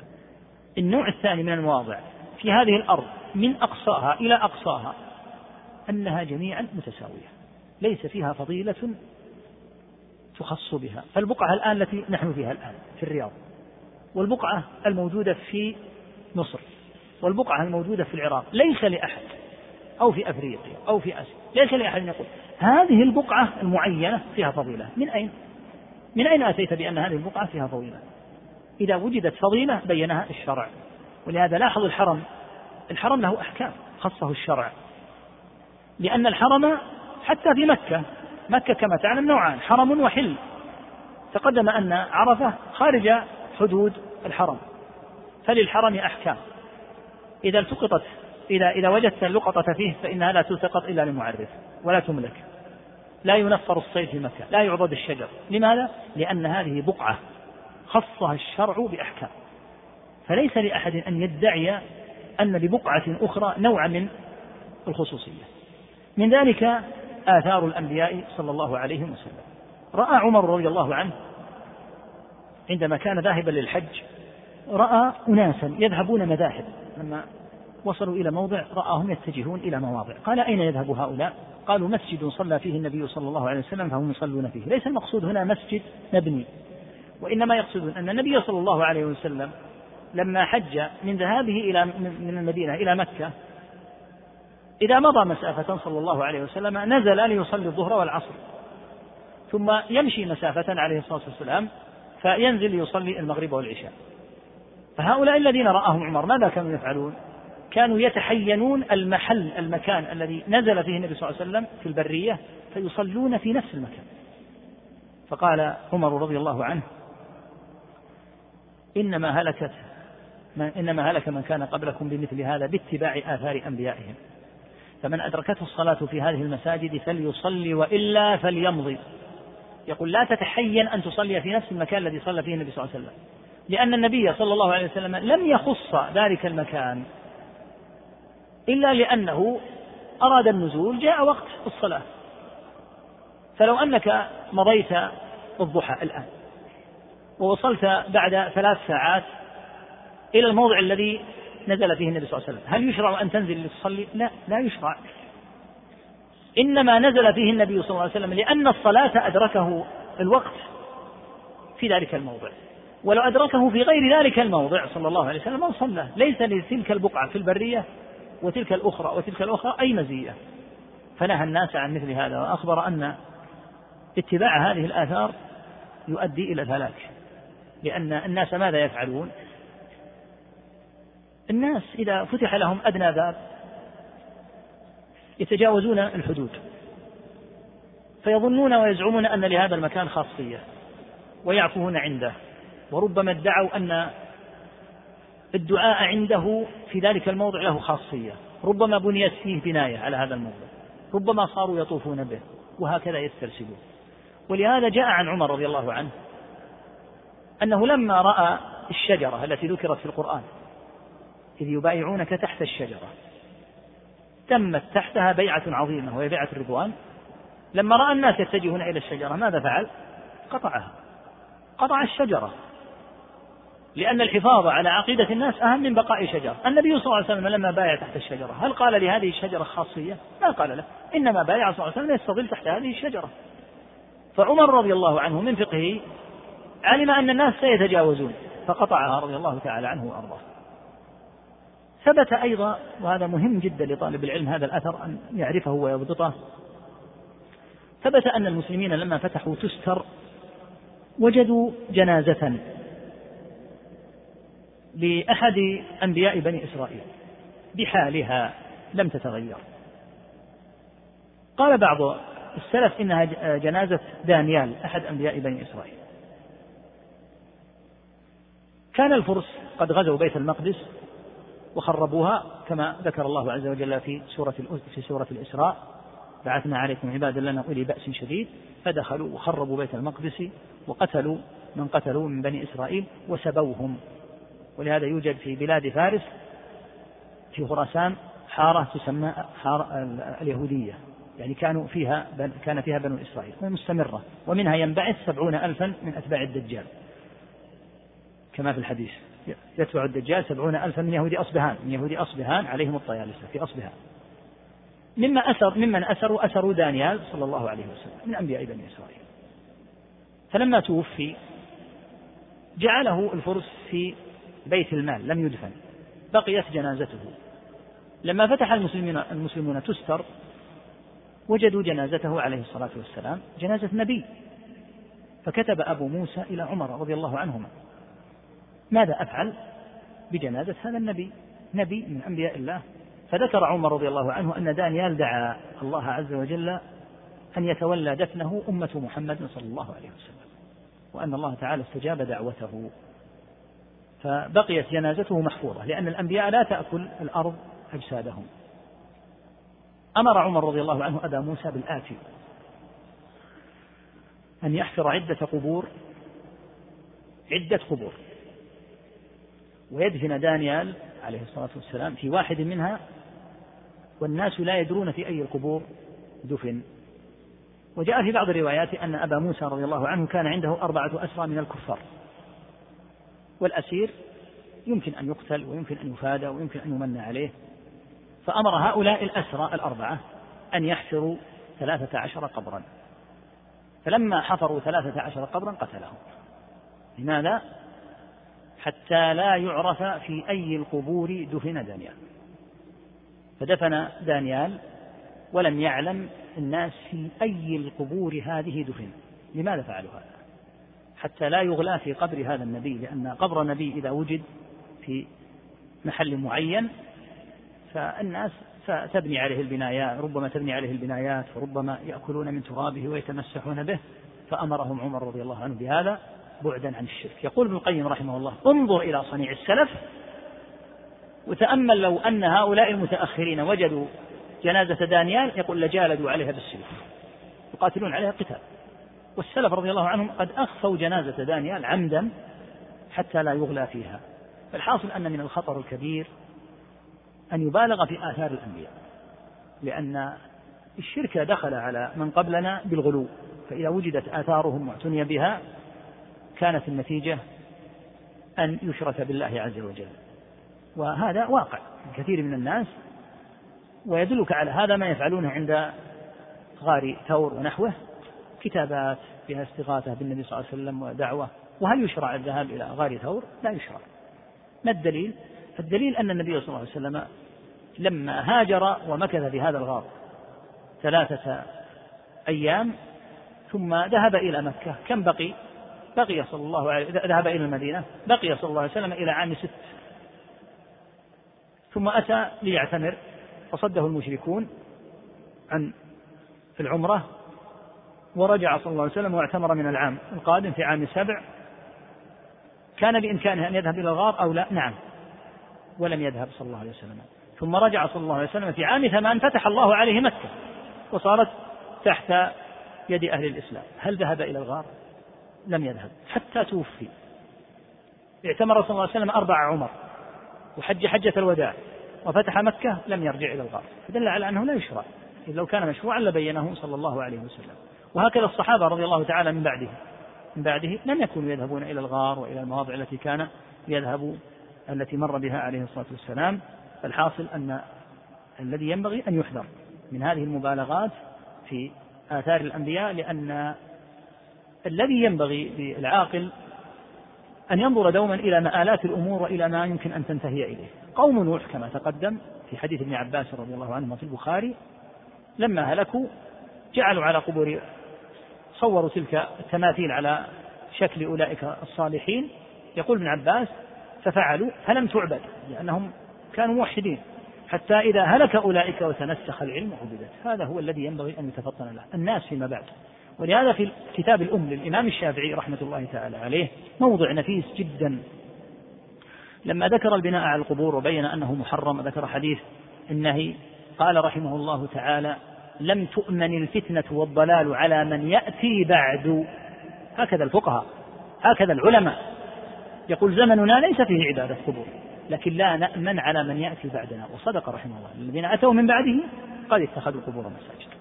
قال لم تؤمن الفتنة والضلال على من يأتي بعده وهذا يدلك على أن الوضع في زمن الشافعي وغيره من أئمة الإسلام في فصول الإسلام الأولى لم يكن فيها اتخاذ القبور مساجد ولم يكن هذا الشرك موجودا. قال نخشى على من يأتي بعدنا. مع أن هذا صريح النصوص يدل على المنع منه.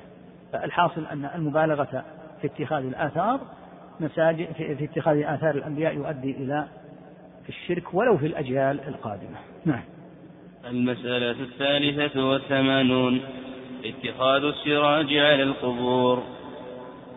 اتخاذ السرج على القبور هذه من طريقة النصارى من, من طريقة الغلاة في القبور. جاء عنه عليه الصلاة والسلام أنه قال لعن الله زائرات القبور والمتخذين عليها المساجد والسرج لعن ثلاثة أصناف الزائرات يعني من النساء لأنه ليس لهن أن يزورن القبور ومن اتخذوا على القبور مساجد كما تقدم في المسألة السابقة أو اتخذوا عليها أيضا السرج السرج جمع سراج وهو المتخذ للإضاءة. كثير من الشباب يمكن لا يعرفه الآن يكون من يكون فيه زيت في أسفل هذا السراج ولاحقا صار فيه ما يسمى بالغاز ونحوه. فيه فتيلة توقد وإذا أوقدت وتحتها الزيت أو هذا الغاز أو نحوه فإنها تشتعل في الليل فتضيء المكان. لعن صلى الله عليه وسلم من أضاء القبور. ولهذا لا يجوز أن تنار القبور لا بالسرج ولا بأدوات الإنارة المعروفة كالكهرباء. لنهيه للعنه صلى الله عليه وسلم من فعل هذا في القبور. القبور تبقى على هيئتها وعلى وضعها. ولا يشرع أبدا أن يمكث الناس عند القبور ويعيشوا في المقابر ثم يقولون نحتاج أن تضاء المقبرة. من قال إنه يجوز أن يبقى في المقبرة. لا يجوز العكوف. العكوف عند القبور لا يحل. فالحاصل أن إضاءتها لا تحل. فإذا أراد أحد أن يدفن ليلا فلا مانع من أن يحمل معه ما يضيء له في أثناء الدفن. قد يستخدم الناس شيء من الإضاءة ب يعني هذه الآلات قوية الإنارة حتى يدفن الميت ثم يأخذونها أو حتى يستعملون إضاءة السيارة أو غيره المهم أن يكون نورا مؤقتا. ثم إذا فرغوا من الدفن حملوا معهم هذه هذا الذي أضاءوا به ولا تبقى القبور مضاءة لا يحل أن تبقى مضاءة لنهيه صلى الله عليه وسلم. فإنارة القبور يؤدي إلى ماذا؟ يؤدي إلى تعظيمها أيضا. وهذا مما وقع أن صار الناس ينذرون في بلاد كثيرة ينذرون أن يضيئوا قبر الشيخ فلان أو مكان آه، المقابر وكذا ويتقربون إلى الله بمثل هذا وأدى هذا إلى أن يغلى في هذه القبور. فهذه المسألة الثانية متعلقة بالقبور. نعم. المسألة الرابعة والثمانون اتخاذها أعيادا. العيد نوعان. أولا العيد ما المراد به؟ العيد هو ما يعود. الشيء الذي يعود هو العيد. سمي بالعيد لأنه يعود. عاد يعود فهو يعود فسمي عيدا. والعيد نوعان. عيد زماني. يتعلق بالزمان. كعيد الفطر من رمضان وعيد الأضحى. عيد زماني في واحد من شوال هناك عيد. في العاشر من ذي الحجة هناك عيد زماني والثاني عيد مكاني. العيد المكاني هو المكان الذي يجتمع فيه الناس. كل مدة معينة يرتبونها. كأن يجعلوا اجتماعا سنويا أو شهريا أو ما كان. يقول نجتمع في هذا المكان ونعود إليه في هذه المدة. قال صلى الله عليه وسلم لا تجعلوا قبري عيدا. ما معنى قوله عيدا يعني موضعا ومكانا للاجتماع حوله تعكفون عنده وتترددون عليه وتعودون إليه. فاتخاذ القبور أعيادا يعني كثرة ملازمتها والعود إليها على هيئة معينة. أما الزيارة للقبور فلا شك أنها مشروعة للرجال. يزور القبر ويدعو لأهله ويعتبر كما قال صلى الله عليه وسلم زوروا القبور فإنها تذكركم الآخرة. لكن لا يجعل الناس موسما محددا يعودون فيه إلى القبر لأن هذا يجعل القبور أعيادا.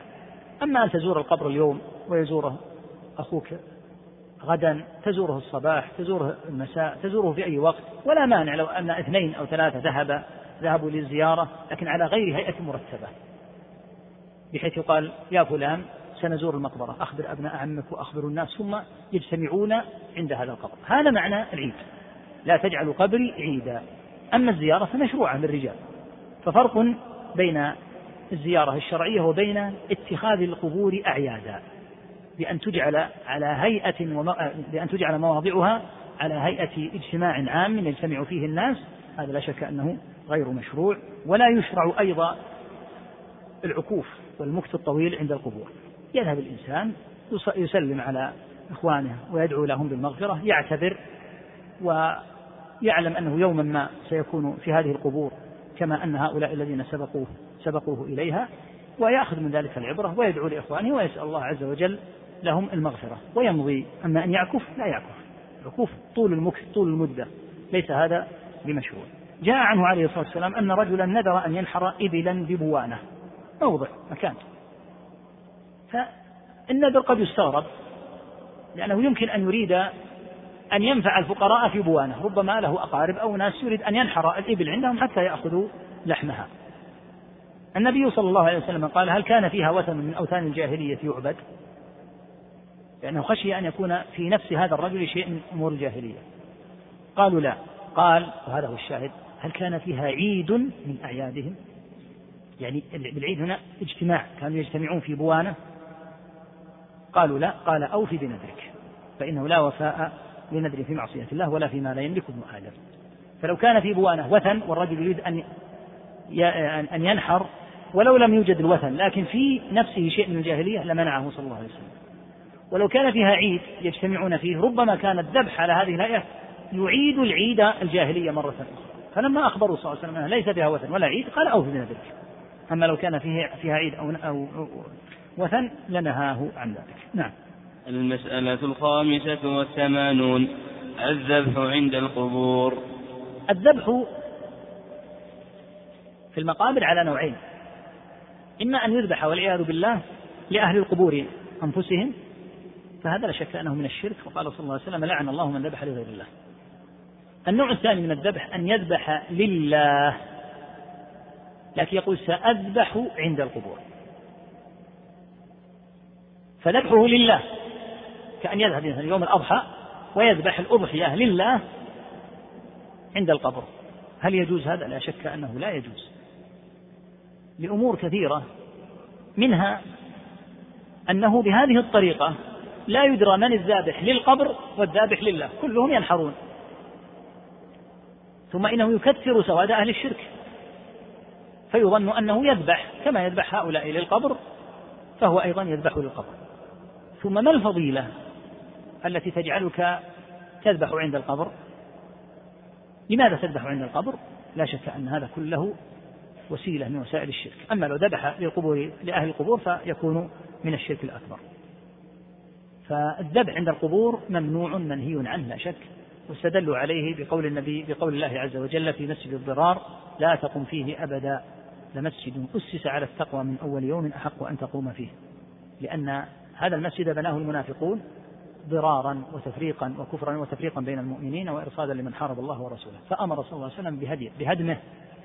مع أنهم يقولون وضعناه للضعيف في الليلة الشاتية والمسكين حتى يصلي فيه.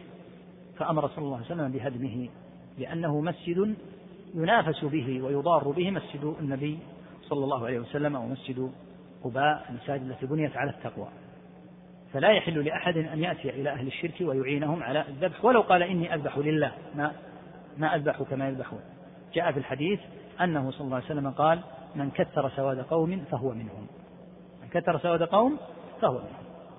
فلا يحل قطعا الذبح عند القبور حتى لو كان يذبح لله تعالى. نعم. المسألة المسألة السادسة والثمانون التبرك بآثار المعظمين كدار الندوة. وافتخار من كانت تحت يده بذلك كما قيل لحكيم بن حزام بعت مكرمة قريش فقال ذهبت المكارم إلا التقوى المعظمون يعني كالملوك والعلماء وشيوخ القبائل هؤلاء عادة يعظمون إما للدين أو للدنيا. آثارهم التي تبقى بعدهم كمنازلهم وبيوتهم لا يحل التبرك بآثار هؤلاء. ذكر الشيخ صالح فوزان وفقه الله وحفظه أن أن مما يدخل في ذلك ترميم هذه الآثار. إذا رممت هذه الآثار يقول يدخل هذا لأنه يأتي جيل يتوهم أن السبب تعظيم من قبله لهذه الآثار لوجود بركة متوهمة فيها. مثل المصنف رحمه الله بدار الندوة. دار الندوة كان يجتمع فيها كبراء قريش للتشاور. مبناها بقي مدة إلى زمن معاوية رضي الله عنه. فباعه حكيم بن حزام رضي الله عنه لأنه هو صاحبه هو مالكه. فقال له ابن الزبير رضي الله عنهما بعت مكرمة قريش لأن قريشا كانوا يتفاخرون بدار الندوة. فقال يا ابن أخي ذهبت المكارم إلا التقوى. ما الفائدة يعني قصده؟ ما الفائدة من إبقاء هذه الدار واستمرارها؟ إما أنها دار تسكن ويستفاد منها وإن وإما أن آه، تباع لتسكن أو لتهدم ويتوسع بها. المهم لا تبقى هكذا كالرمز.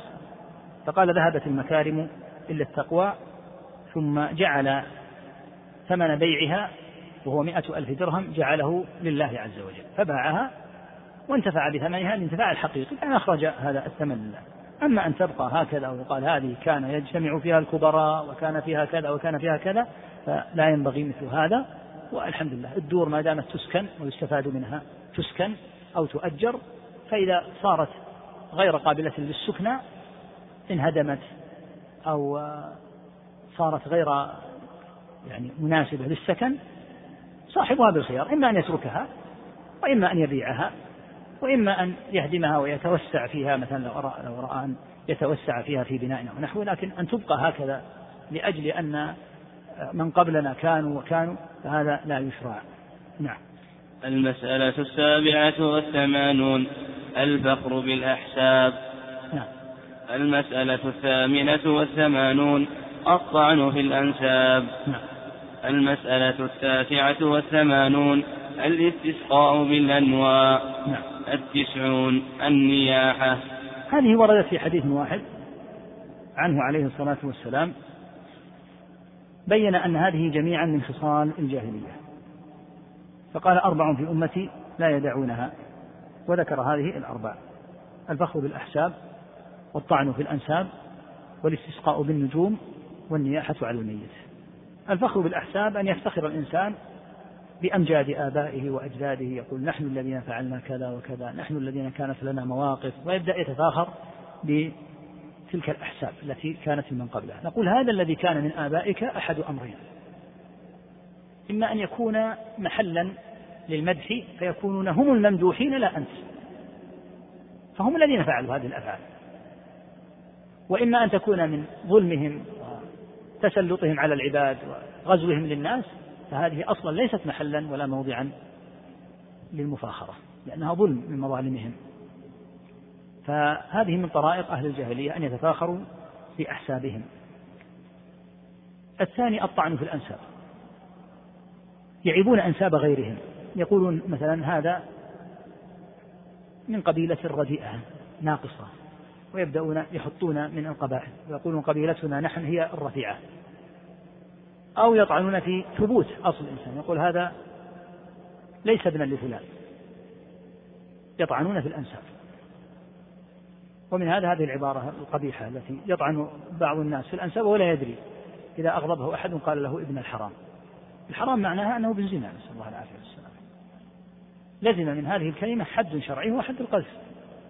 فهذا كثير في الناس الطعن في الأنساب. الاستسقاء بالنجوم اعتقاد أن المطر ينزل بتأثير النجوم في طلوعها وغروبها. فيحيلون الأمر إلى النجوم فهذا من صنيع أهل الجاهلية. والنياحة على الميت النياحة إظهار الجزع على الميت بغير الطريقة الشرعية. الميت إذا توفي إذا دمعت العين وحزن القلب فلا أحد يلام على مثل هذا. هذا أمر لا بد منه. قد بكى صلى الله عليه وسلم لما مات ابنه إبراهيم فقال تدمع العين ويحزن القلب ولا نقول إلا ما يرضي ربنا. النياحة تتجاوز هذا إلى التسخط بالقلب على القدر وإلى رفع الصوت باللسان بالنياحة على الميت فكانوا يقولون ومطعماه وكاسياه وكذا وكذا ويصرخ صراخ شديد وتخمش الوجوه بالأظافر وربما قطعت الشعور أيضا وتشق الثياب.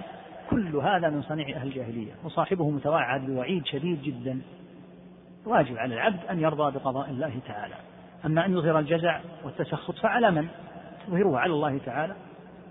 ثم إن هذا لن ينفعك ولن ينفع ميتك بل ما لك منه إلا الضرر. فهذه كلها من صنائع أهل الجاهلية ومن طرائقهم. قد قال صلى الله عليه وسلم النائحة إذا لم تتب قبل موتها أقيمت يوم القيامة وعليها سربال من قطران ودرع من جرب. يعني حتى تشتعل فيها النار ويكون أشد. يعني إذا صار عندها عياذا بالله القطران سربالا لها وصار درعها من جرب يكون ذلك أشد في اشتعال النار فيها نعم. المسألة الحادية والتسعون أن أجل فضائلهم البغي فذكر الله فيه ما ذكر. نعم. المسألة الثانية والتسعون أن أجل فضائلهم الفقر ولو بحق فنهي عنه. نعم. هذا هاتان المسألتان تتعلقان بالبغي والفخر ومع أنهما مذمومان وقبيحان إلا أن أهل الجاهلية يجعلون هذا أجل الفضائل. الجاهلي يرى الظلم والتعدي على الناس بسلب أموالهم وسفك دمائهم يراه مفخرة. تدل بزعمه على أنه جريء وعلى أنه شجاع. لهذا نهى الله تعالى عن البغي فقال قل إنما حرم ربي الفواحش ما ظهر منها وما بطن والإثم والبغي بغير الحق وأن تقول وأن تشركوا بالله ما لم ينزل به سلطانا وأن تقولوا على الله ما لا تعلمون. فجعله الله تعالى مع هذه البلايا جميعا محرما. فالبغي بالتعدي على الناس وظلمهم في دمائهم في أعراضهم في أموالهم هذا من أقبح ما يكون وصاحبه له في القيامة نصيب وافر من عذاب الله وعقوبته. جاء في الحديث أنه صلى الله عليه وسلم قال إن الله إن أشد الناس عذابا أشدهم عذابا في الدنيا. يعني بقدر ما يكون معذبا للناس ومؤذيا للناس في الدنيا بقدر ما يشتد عذابه في الآخرة. نسأل الله السلامة والعافية. جاء عنه عليه الصلاة والسلام أيضا أنه قال إن الله أوحى إلي أن تواضعوا. حتى لا يبغي أحد على أحد ولا يفخر أحد على أحد. هناك من لا يبغي لكنه يشجع على البغي فيدخل في الإثم وهو لا يشعر. هو لم يمد يده على أحد بضرب أو بسفك دم لكن إذا علم أن أحدا تعدى على أحد بغير الطريقة الشرعية سره ذلك وفرح وربما شجع وحرض وحسن هذا الفعل. لا شك أن هذا داخل في الإثم بلا أدنى ريب وإن لم يبغي هو. بل إنه بمثل هذه الأمور قد يكون من أكثر من ينشر البغي. ومن البغي العظيم. أن يوجد اثنان يتقاتلان ويتضاربان فيجتمع عندهم أحد ويشجعهم على الاستمرار في المضاربة. هذا بغي قبيح. هذا هذا هذه مساعدة في البغي. الواجب أن يمنع أخاه من الاقتتال مع أخيه الثاني ويمنع أحدهما من ظلم الآخر فيأتي ويشجع ويسره ذلك ويفرح بمثل هذه المواقف التي يكون فيها المضاربة والمشاجرة. فالبغي يقع من أناس والتشجيع عليه يقع أيضا من أناس آخرين. لا شك أن تحسين البغي يأتب به صاحبه وربما كان من أسباب انتشار هذا البغي. في الحديث أنه صلى الله عليه وسلم قال إن الله أوحى إلي أن تواضعوا. إذا حصل التواضع ماذا يحدث؟ فلا يبغي أحد على أحد لا يبغي أحد على أحد ولا يفخر أحد على أحد. أن تواضعوا حتى لا يبغي أحد على أحد ولا يفخر أحد على أحد. الذي يجعل الناس يبغي بعضهم على بعض أنهم لم يتواضعوا لله عز وجل. ولو تواضعوا لكفوا وخافوا الله تعالى.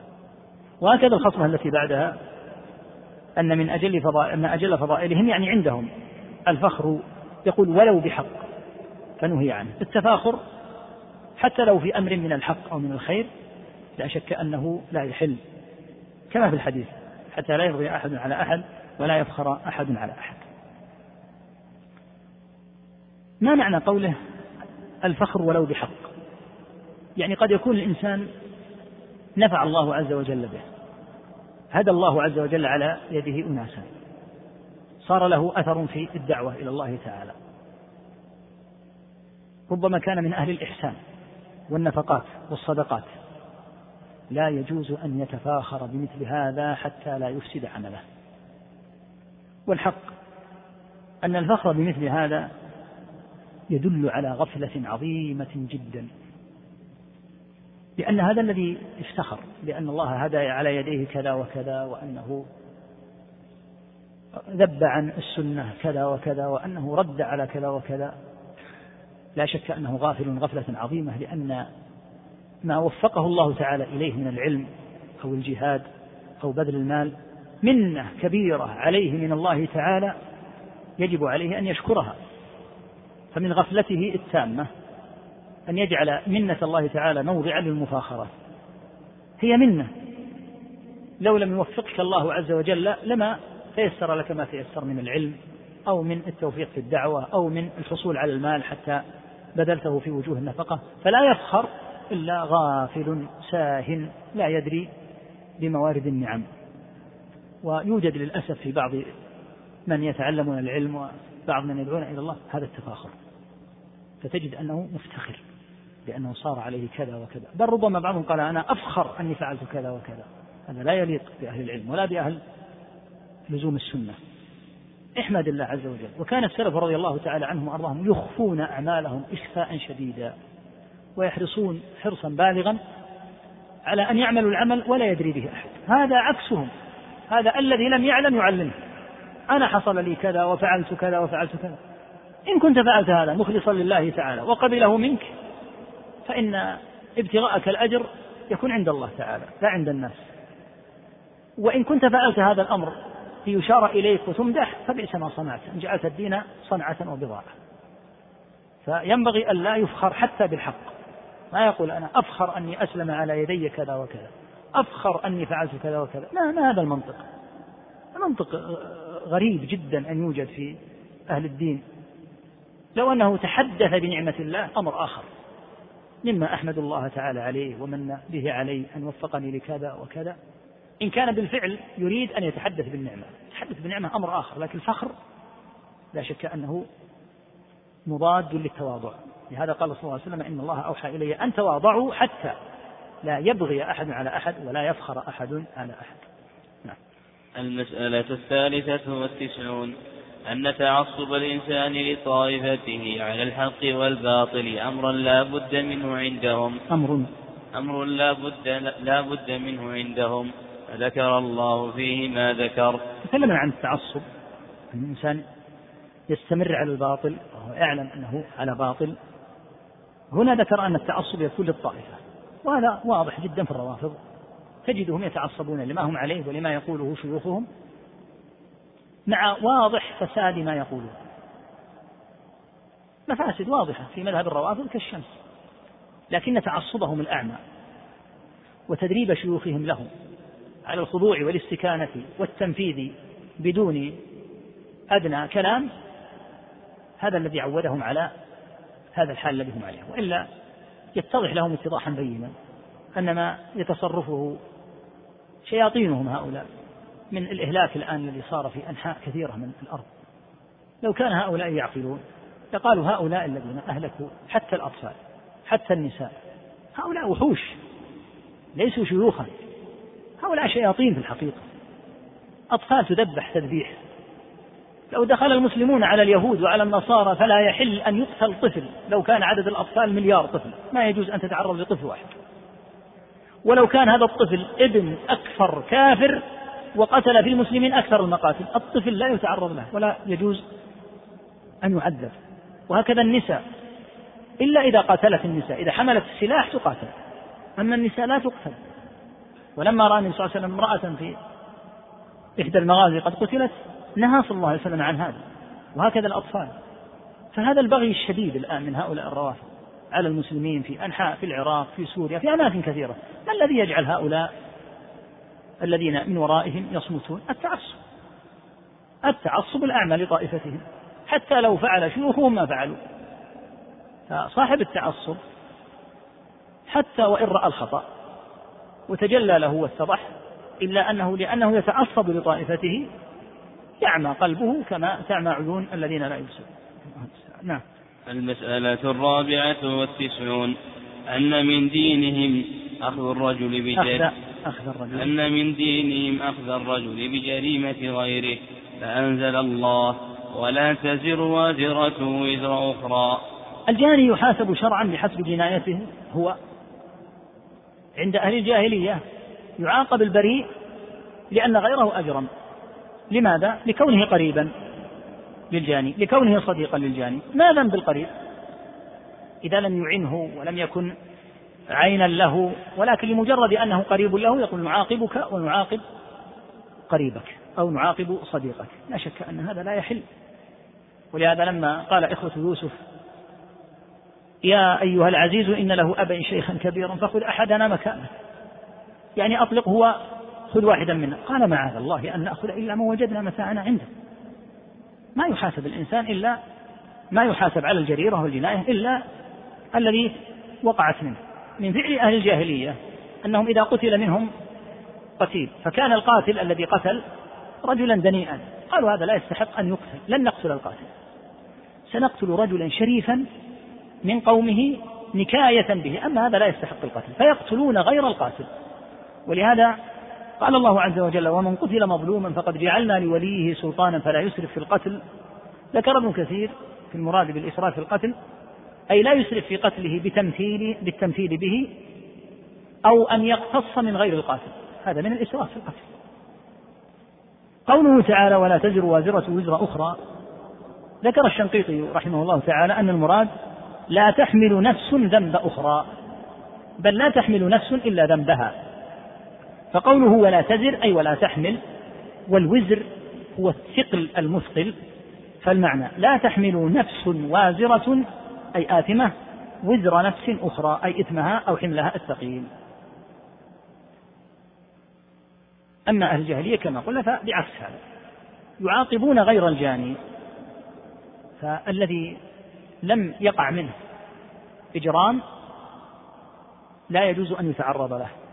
ومن ذلك أيضا وهذه مسألة مفيدة لطالب العلم مما يتفاخر به الغربيون ومروج أفكارهم أنهم يقولون إن إن المتهم بريء حتى تثبت إدانته ويتفاخرون بأمور مثل هذه. يقال في الشرع المتهم ما هو؟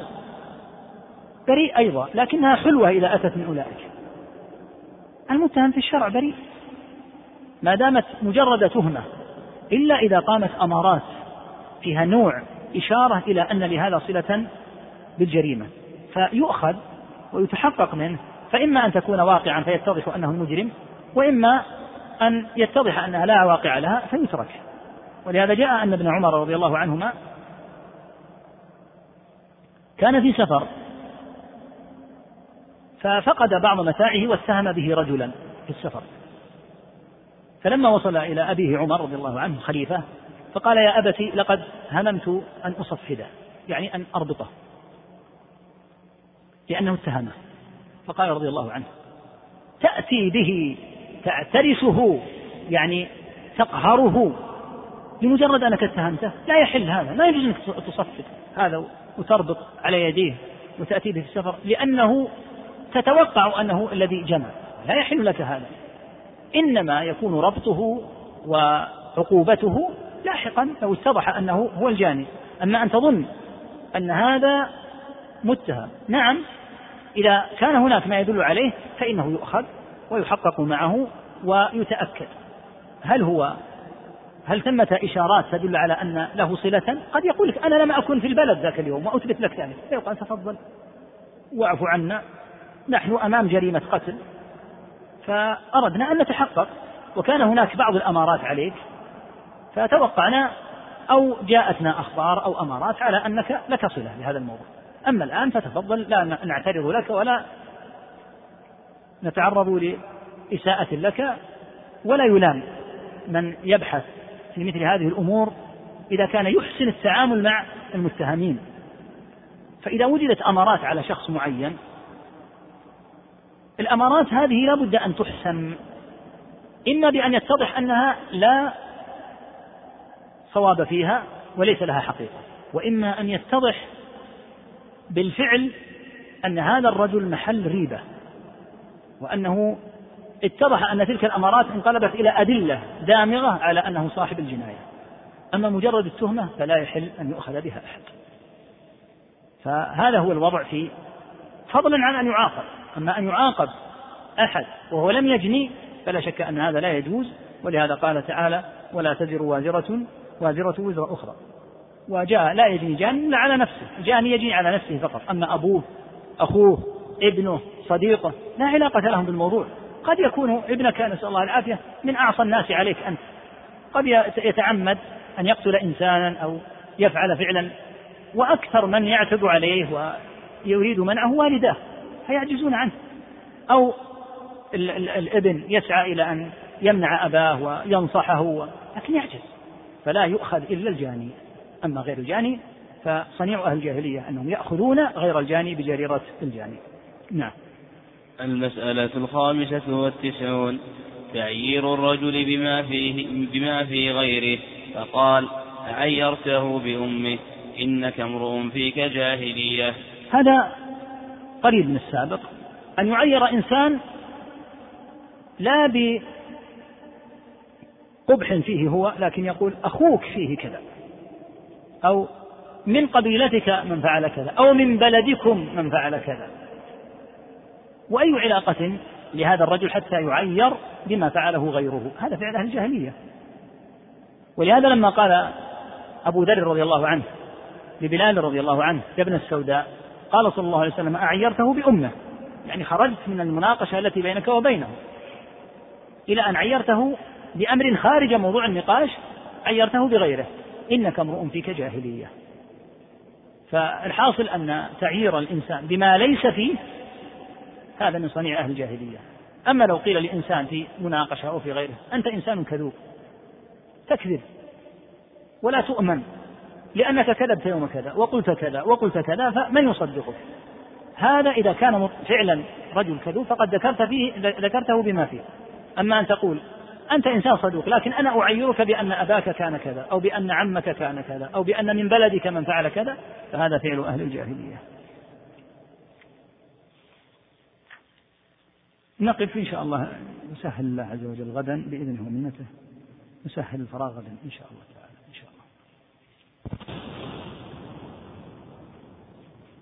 يسأل الأخ يقول هل بالإمكان أن تذكر أن تعيد ما ذكرته من نوعي البدع؟ نقول الإخوة وفقهم الله في المسجد وجزاهم الله خيرا آه، يسجلون. فتستطيع أن ترجع إلى موقع المسجد وأيضا وفقهم الله يطبعون طباعة يعني حتى هذا الشرح سيطبع إن شاء الله تعالى. فتستطيع أن ترجع إليه مسجلا أو مطبوعا إذا نزلوا في الموقع إن شاء الله. يسأل يقول من كيف يرد على من يقول أن قبر النبي صلى الله عليه وسلم موجود داخل المسجد النبوي ويستدل بذلك على صحة اتخاذ قبور الأنبياء والصالحين مساجد. متى أدخل قبر النبي صلى الله عليه وسلم إلى المسجد؟ هذا هو الذي ينبغي أن يسأل عنه. أدخل زمن الوليد ابن عبد الملك ابن مروان في دولة بني أمية. وما أدخله الصحابة؟ كيف يدخله الصحابة؟ وهم يسمعون النبي صلى الله عليه وسلم يخطب فيهم بتلك الخطب ويقول ذلك الكلام العظيم ويحذرهم. هم أشرف وأرفع وأخوف لله وأدين من أن يفعلوا هذا. فلما مات الصحابة رضي الله عنهم في زمن الوليد بن عبد الملك وسع المسجد النبوي وأدخل حجرات أزواج النبي صلى الله عليه وسلم. تصرف الوليد بن عبد الملك. ومع ذلك جعلوا على الجدار جعلوا دون القبر. القبر بينك وبينه ثلاثة جدران.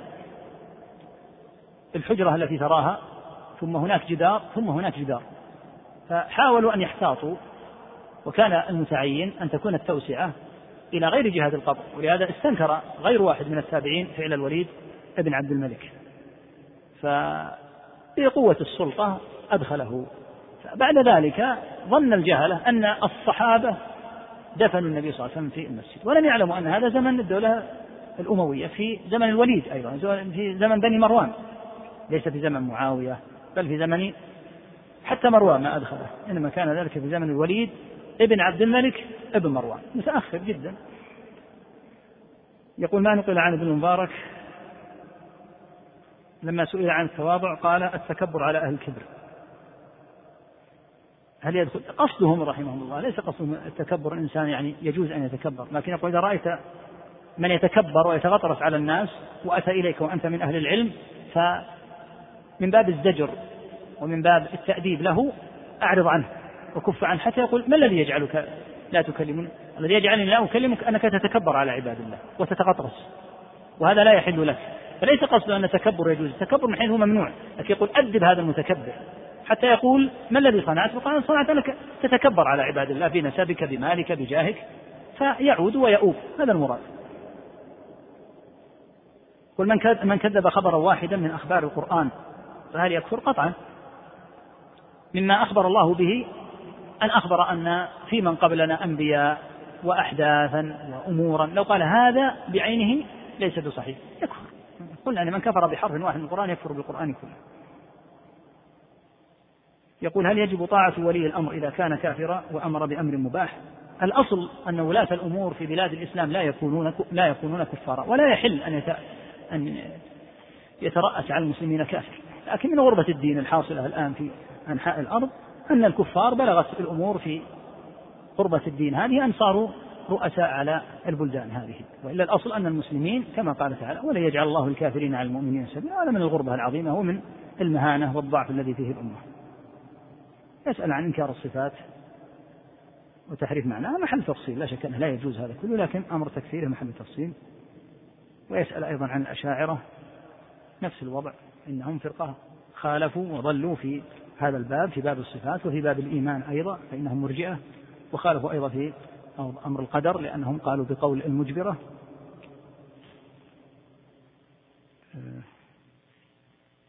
يقول كيف يجمع بين الحث على الزهد وقول الشافعي أحمد إمام في الزهد والفقر وبين أن من صفة أهل الجاهلية التعبد بترك الطيبات؟ من قال إن الزهد يعني التدنس والتقذر في الثياب؟ من قال؟ الزهد يعني أن تزهد في أمور من أعظم الزهد الزهد في الدنيا بأسرها. لكن لا يعني ذلك أن الإنسان يتدنس ويأتي حتى إلى يوم الجمعة هو سيء الرائحة سيء الثياب. هذا خالف السنة قطعا لأن النبي صلى الله عليه وسلم أمر بالاغتسال والتطيب ولبس أحسن الثياب. الحديث هذا ما يشرع للعبد. ليس معنى الزهد في الدنيا أن يكون الإنسان متدنسا قذر الثياب يمضي ثيابه قذرة متدنسة من اقترب منه وجد الرائحة الكريهة في ثيابه لأنه لا يغيرها. من قال إن هذا هو الزهد؟ هذا ليس من الزهد. قلنا الحديث النبي صلى الله عليه وسلم قال للصحابي إن الله يحب أن يرى أثر نعمته على عبده. يسأل عن بعض ما, رو ما روي عن بعض السلف أنه ربما أخذ على التحديث درهما. إذا ورد مثل هذا عن بعض المحدثين فليس هذا هو الأصل. الأصل أنهم رضي الله عنهم كانوا يبذلونه مجانا. بعضهم كان إذا من شدة حاجته لما سئل عن ذلك قال في البيت ثلاثة عشر إنسان وهذا رجل غني ومقتدر. قلت له لن أحدثك التحديث الخاص. لاحظ التحديث الخاص. حتى تعطيني. لكن التحديث العام هذا مبذول للجميع. إذا أتى وجلس مع الناس ما يقول قم يا فلان حاسبني. لا. لكن إذا قال تعال حدثني يقول إني أحدث وأكثر المحدثين بحمد الله تعالى على عدم الأخذ من الأجرة. الذين أخذوا كعدد قليل منهم قالوا إننا نأخذها من باب الضرورة لأن فقراء ولدينا ذراري وهؤلاء من المقتدرين لكن الأصل كما قلنا عدم التحديث.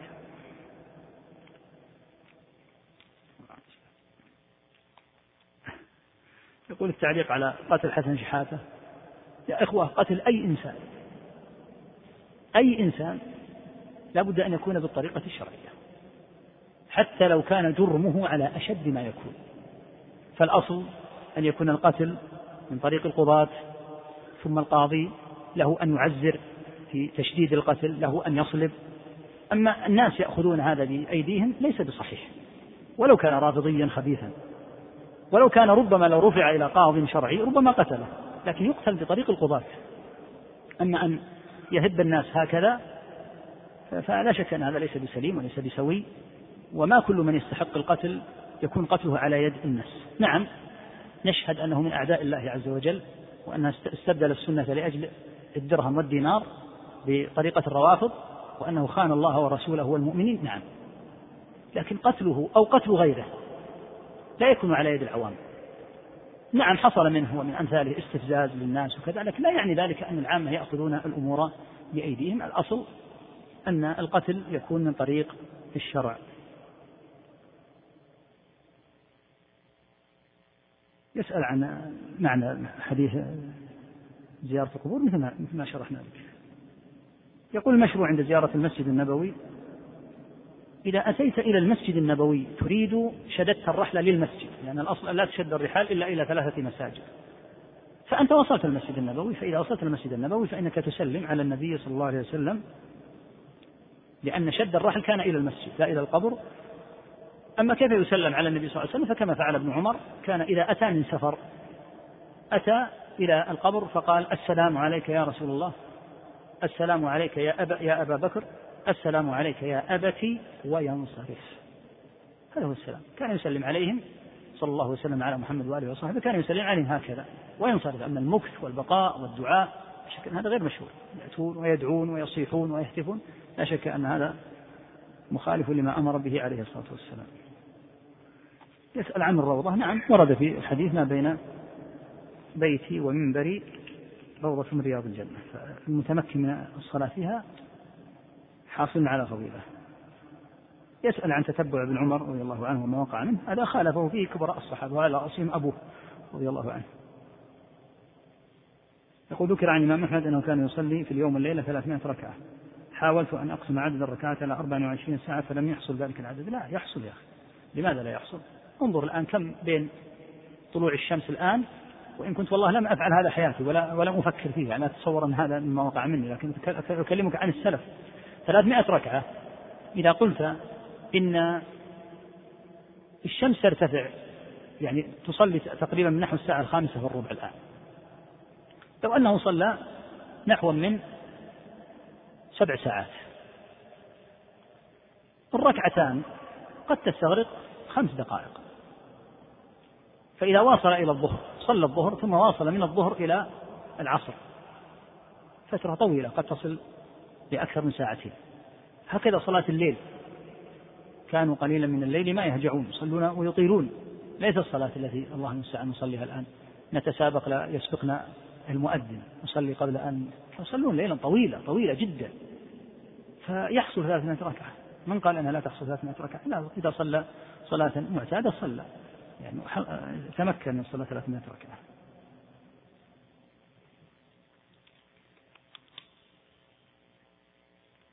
الدعاء الميت عند قبره هل له فضيلة زائدة عن الدعاء خارج المقبرة؟ الدعاء في أي موضع ينفع الله عز وجل به إن شاء الله تعالى. لكن لما كان مشروعا للعبد أن يزور القبور فإذا أتى ودعا لهذا الميت هذا شيء طيب زيادة في الدعاء إن شاء الله. يسأل أيضا عن الغرفة الموجودة في المسجد النبوي. نعم قلنا لك هذا الوضع كان من أزمنة سبقت. يقول هل ينتفع الميت بزيارة أقاربه وأحبابه لقبره؟ إذا دعوا.